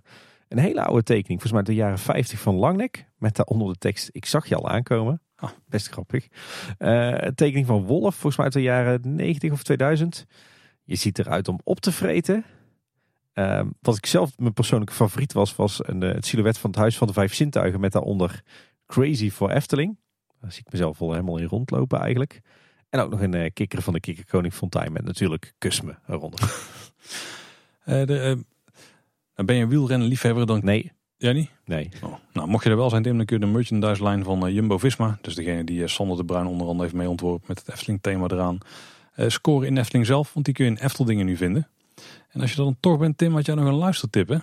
Ja, want blijf, blijf gewoon eens tien minuutjes in de Efteldingen hangen, want daar, daar wordt stiekem hele toffe achtergrondmuziek gedraaid. Het is namelijk een mix van allerlei Efteling muziek. Deels al lang uitgebracht op cd's en op Spotify. Maar daar zitten ook allerlei tracks tussen die helemaal nooit is uitgebracht. Dus ga daar zeker eens, eens luisteren. Daar komen wat leuke nummertjes voorbij. Ja, misschien ligt er in september een nieuw boek in de Efteling Schappen. Want Paul Verloon heeft blijkbaar het manuscript van deel 3 van de Ravelijn-reeks afgerond. De titel daarvan is Het bloed van de laatste draak. En die is ingeleverd bij de uitgever. Nou was het vorige boek ook al heel vaak bijna klaar. Maar dit, dit lijkt toch wel een milestone te zijn. Efteling werkt nog aan illustraties. En nou, als alles goed gaat, mogelijk in september in de schappen. Ja, en nog wat uh, follow-up op de brandjes bij Ravelijn. Want de Efteling die gaf aan dat er uh, inmiddels onderzoek is gedaan naar de oorzaak van beide brandjes. En hieruit blijkt dat het om op zichzelf staande en toevallige incidenten gaat. Waar dus geen relatie tussen zit. Hè. Dat ene brandje aan de gevel en het andere brandje aan de magische poort. Ze geven aan dat ze wel de nodige aanpassingen hebben gedaan om er zeker van te zijn dat dit in de toekomst niet nogmaals kan gebeuren. Hm. ben benieuwd of dat, dat betekent dat er geen vlammenwerpers meer staan. Of in ieder geval dat ze niet meer gebruikt worden. Ja, misschien op basis van gas in plaats van vloeistof daar. Ja, wie weet. Moeten we even op letten. Ja, dan een, een, een stiekem vaak terugkerend thema in deze aflevering. Muziek. Groot nieuws. De muziek van Dromen met je ogen open uh, de show die werd gespeeld in de wachtrij van Droomvlucht zo rond het jaar 1998. Uh, die staat nu op Spotify en die is daar voor uh, iedereen te downloaden. Dus als je nog warme herinneringen koestert aan die ontzettend toffe show in de wachtrij, dan nou, heb je nu kans om dat weer allemaal her te beleven. En draai die in die tijd nog niet mee in de Efteling fanzine of was je te jong of was je misschien überhaupt niet geboren, dan kan ik je aanraden om deze muziek zeker eens te gaan luisteren, want het was echt een, een juweeltje van de show. En dan nog wat vacatures die wel eh, eruit sprongen. Er wordt gezocht naar een teamlead gastbeleving front office en accommodaties. Nou, dat klinkt in de basis niet zo heel sexy. Maar er wordt dus binnen de business unit hotels en resorts onder andere verantwoordelijk voor het, bijvoorbeeld het invullen van entertainment en het retail assortiment. En dat is ook best wel tof. Nou, je moet je daar in ieder geval inzetten voor de hoogste kwaliteit en een 9 plus gastbeleving. En ook wordt er gezocht naar een eh, commerciële binnendienstmedewerker. Ook in de basis niet zo super interessant, maar wat blijkt Tim? Deze is er specifiek voor om de verkoop van tickets en overnachtingen aan zakelijke gasten en groepen om aan te zwengelen. Je zorgt dan eh, ervoor dat boekingen vanuit touroperators, reisagenten, touringcarbedrijven, scholen, groepen en overige zakelijke partners goed verlopen van aanvraag tot levering. En je werkt dan in een team evenementen en support. Dit zijn allemaal termen waar je dacht van, hè, stond die nog in de Efteling? Eh, wat dan onweer onderdeel is van eh, marketing en sales internationaal. Dus nogmaals, een rol met focus op de zakelijke markt. Ja, en vooral, en dat lees ik hier letterlijk in de vacature, het acquireren, oftewel het binnenhalen en organiseren van evenementen, zakelijke evenementen. Ja. Waren ze daar aan het begin van de coronacrisis niet mee gestopt? Misschien eh, toch nog een revenue stream die ze graag eh, weer opendraaien. Ja, ik denk eerlijk gezegd ook dat je een dief bent van je eigen portemonnee als je daar nu niks mee doet. Want ik heb het, de indruk dat na corona dat eh, de zakelijke evenementen weer helemaal booming zijn. Dus eh, ik denk dat de Efteling er bijna aan kan denken om maar weer een afdeling evenementen op te richten. Ja. En dan een micronieuws, maar ja, als je een beetje terugdenkt aan de afleveringen van de laatste tijd, toch relevant. Eh, er is een kleine wijziging plaatsgevonden in de kledinglijn van de Efteling. Want het technisch personeel dat droeg natuurlijk een oranje polo en een eh, blauwe werkbroek. Die er eh, redelijk hetzelfde uitzag als de blauwe broek van het andere parkpersoneel. Maar ze zijn nu overgestapt op zwarte werkbroeken voor het technisch personeel. Misschien dat de blauwe niet meer leverbaar was of zo. Ja, en van jou al bekend, Tim, iedere keer als wij een opname hebben op kantoor Ravelijn, dan moeten we daar eerst naar de lobby. En dan moeten we ons aanmelden. En dan werden we er altijd hartelijk ontvangen door receptionist Bert van der Nassum. Jij kende nog van eh, jouw tijd als medewerker daar. Tuurlijk. En dat is ook niet zo vreemd, want Bert die, eh, heeft al 46 jaar bij de Efteling gewerkt. Maar eh, het tijdperk is over. Ja, inderdaad. Bertie heeft van de week afscheid genomen van de, van de Efteling. Een enorm gemis, denk ik. Want ja, ze zeggen wel eens dat, dat je als receptionist het visitekaartje van de Efteling bent. Nou, als je Bert als visitekaartje had, dan, dan zat je geramd. Want wat is dat een ontzettend aardige, sympathieke, joviale, fijne man. En sterker nog, we stellen aan eh, veel gasten de vraag: wat is typisch Eftelings? En ik weet niet wie het antwoord gaf. Maar er was iemand van onze gasten en die zei: Bert, achter de receptie bij de Efteling. Dat is echt genoeg, denk ik. Daar is niks aan gelogen. Dan nog uit de periferie van de Efteling. eh, nou ja, eigenlijk voor de mensen met een, een iets krappere portemonnee dan 1,25 miljoen. Dat was natuurlijk het bedrag wat je moest neertellen voor eh, de woning aan de Kinkerpolder. De Bernshoef 8 staat ook te koop. Voor het schappelijke bedrag van eh 7 ton.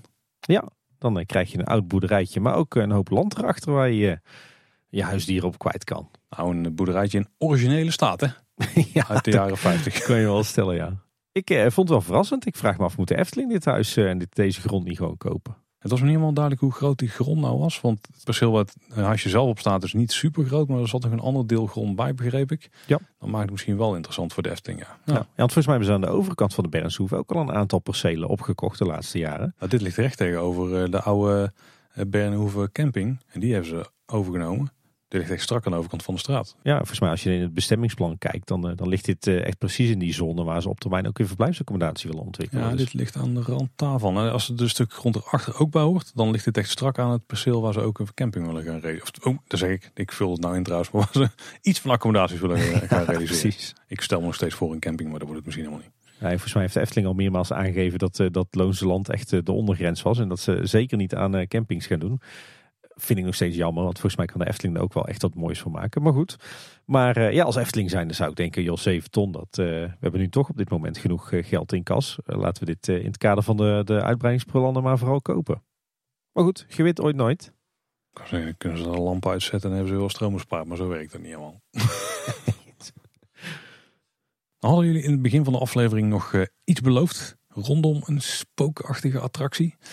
Nu is het zo dat op eh, 2 september een heel tof evenement gaat plaatsvinden in de Efteling Fanscene. Dan is namelijk de première van de, de Spookslot documentaire van de Vijf Zintuigen. Nu is het zo, die première is uitverkocht. Wat was nou tof Tim? Wij mogen twee vrijkaartjes weggeven. Voor de première. Voor de première, zeker. Gratis en voor niets. Waar ook waarschijnlijk een hele hoop interessante gasten bij gaan zijn. Dat weet ik wel zeker, ja. Wil je daar nou aan meedingen, dan eh, hebben we uiteraard een eh, kleine boodschapstel prijsvraag. Speciaal voor onze creatieve luisteraars, maar deze keer niet creatief met stift of potlood of krijt of verfkwast. Nee, creatief van geest. Ja, want mocht jij wel de aandachtspannen hebben om het verhaal van de familie Charlatan te volgen, of misschien helemaal niet, nou dan ben je hier aan het goede adres. Want de vraag is, verzin een spectaculaire plot twist in het verhaal van de familie Charlatan. Ja, en hoe eh, dien je dat nou in bij ons? Eh, niet met een verhaaltje op de mail. Nee, we willen echt een voice clip van ongeveer 30 seconden. Zeker niet veel langer. In die tijd moet je echt wel een eh, spectaculaire plot twist kunnen uitleggen. En eh, je krijgt natuurlijk bonuspunten voor, voor de soundscape die erachter zit. Hè? Wel, uiteindelijk is de basis natuurlijk die, de verhalen en de plot twist. En we hebben afgesproken dat ehm, de plot twist waar wij allebei het hardst om moeten lachen, die wint de twee vrijkaartjes. En eh, voor de volledigheid, een plot twist, niet een pot twist. Al had je dan al bonuspunten gescoord al. Die, die geef je zomaar gratis weg, Paul. Eén eh, heel belangrijk ding daarbij. Je moet hem wel inleveren voor 13 juli om 6 uur. Want anders is hij niet op tijd voor ons om nog te jureren. Goed punt, Paul. En eh, die voiceclip die kan natuurlijk naar eh info.kleineboodschap.com. En wil je nou zeker weten dat jouw mail is binnengekomen? Ik reageer op iedere voiceclip die binnenkomt met eh, we hebben hem ontvangen in eerste instantie. En dan hoor je later wel of dat je ook hebt gewonnen of niet. Dus dan weet je zeker dat jouw inzending goed is aangekomen. Hoor je nou niks, stuur hem dan gewoon eh, nog een keer op of even een los mailtje erachteraan. En voordat we gaan afsluiten, Tim, heb jij dan en dan nog ditjes? Want eh, ik ben eh, vrij leeg vandaag. Je hebt er niks meegemaakt in het leven. Helemaal niet. Niet iets wat onze luisteraar interessant gaan vinden, denk ik. Nou, ik heb nog wel een leuke. Wij zijn laatst voor het eerst in lange tijd weer naar Bobbejaanland geweest. Hoe was het daar? Ja, nou ja, eh, Bobbejaanland is typisch zo'n park wat wij eh, vroeger altijd één keer per jaar probeerden te bezoeken. Of soms wel vaker. Maar sinds de kinderen er, eh, er zijn niet meer. Omdat, ja, Bobbejaanland vind ik nou typisch zo'n park waar je eigenlijk niks te zoeken hebt met kleine kinderen. Ondanks dat ze een kinderland hebben. Maar verder is eigenlijk weinig, weinig te doen. Geldt ook bijvoorbeeld voor Fantasialand, vind ik. Maar we kwamen erachter, onze beide kinderen zijn inmiddels eh 1,10 meter. En dan zijn er zowaar vier achtbanen waar ze in mogen. Terwijl Efteling heb je er natuurlijk maar, eh, maar twee waar erin mag als je, als je 1,10 bent. Plus nog een hoop andere spectaculaire attracties. Dus eh, we zijn lekker naar Bobbejaanland geweest. Bobbejaanland is natuurlijk echt een, een pretpark wat een beetje themapark probeert te worden. Maar wat niet altijd slaagt. Maar het is wel een park wat, wat ik tenminste ja, toch wel sympathiek vind. En wat me opviel is dat, ondanks dat we er op een zonnige zaterdag waren, dat het eh, eigenlijk nog best rustig was. Dat het park eigenlijk stiekem best wel groen is en ontzettend vriendelijk personeel heeft. Dus we hadden eigenlijk een, een verrassend leuke dag. Want ja, Poppiaanland doet iedereen toch een beetje lacherig over. Maar nou ja, de operations waren goed. De- ja, we hadden gewoon een topdag eigenlijk. Dat is echt heel lang geleden dat ik er ben geweest. Wat zijn een beetje de highlights nu eh, voor jou, of wat jou betreft? Nou ja, sowieso was het echt heel gaaf om met je kinderen in vier achtbanen te kunnen gaan. Dat hebben we ook, eh, we hebben ze ook allemaal afgetikt. En de kinderen die ge- genoten er zichtbaar van. Ja, wat denk ik de favoriete attractie was in ons, eh, in ons gezelschap. Ik kan er niks aan doen, maar toch de cult classic. The Revolution. Ja, ja. De indoor achtbaan natuurlijk, die, ja, ja, ik zei het ook cult classic. Dit, dit is gewoon een, een juweeltje. Ik geniet daarvan. En ik moest heel erg hard lachen dat mijn oudste dochter er net zo aan verknocht was, eh, was als ik. Eh, en natuurlijk ook twee nieuwe attracties gedaan. Wat een eh Gerstlauer achtbaan is. Wat een ontzettend ja, pittig baantje is eigenlijk. Het is maar een, maar een kort compact baantje, maar je gaat vooruit, je gaat achteruit, je wordt gelanceerd meermaals. Dus je krijgt echt een enorme bak G-krachten op je donder. Echt best wel, eh, best wel heftig, maar een heel leuk, eh, heel leuk ritje. Qua thematisering is het allemaal eh, ja, een aardige poging, maar dat hadden ze wat mij betreft ook gewoon weg mogen laten. Maar nee, een hele intense beleving, heel tof om te doen. En, en we zijn natuurlijk ook in Terra Magma geweest, het, de oude Indiana River, de indoor lokvloem. Ja, dat is ehm, huilen met de pet op. Jawel, ja, ik begreep dat na de, de eerste eh, weken ze wel wat tweaks hebben gedaan en wat stukken nog hebben aangevuld. En dat het daardoor misschien wel beter was geworden. Maar Ja, weet je wat het is? Het, het is een poging om een indoor lokvloem te thematiseren, maar die, die poging is gewoon mislukt. Hm. Het, het- ja, het, er is gewoon veel te, veel te weinig budget voor wat ze, wat ze hebben willen doen. Weet je wel, er zitten projecties in, maar je, ja, die zijn eh, kwalitatief eh, uitermate slecht. En, eh, en de schermen zie je gewoon. Er zitten rotspartijen in die hartstikke nep zijn. Er zitten hele lege stukken in. eh.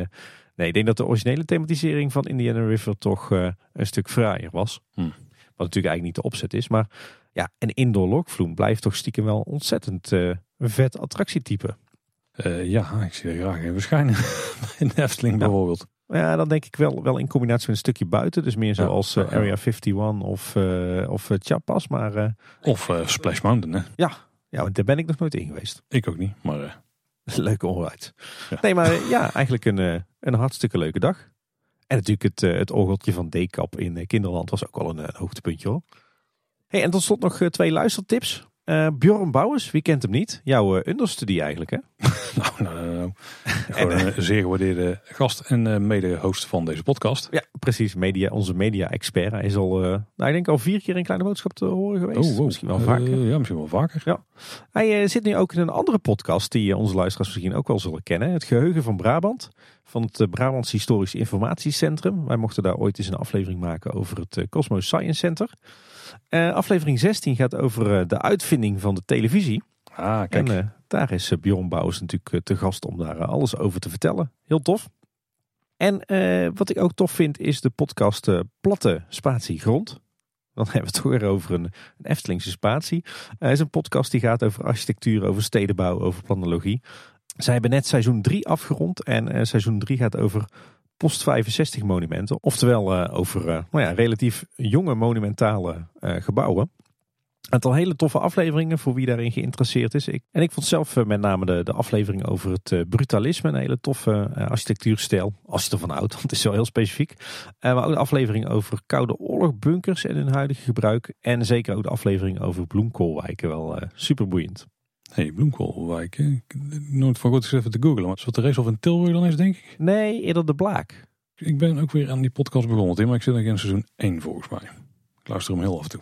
Ben je inmiddels door eh, de grote podcastlas en geschiedenis voor herbeginners eh, heen?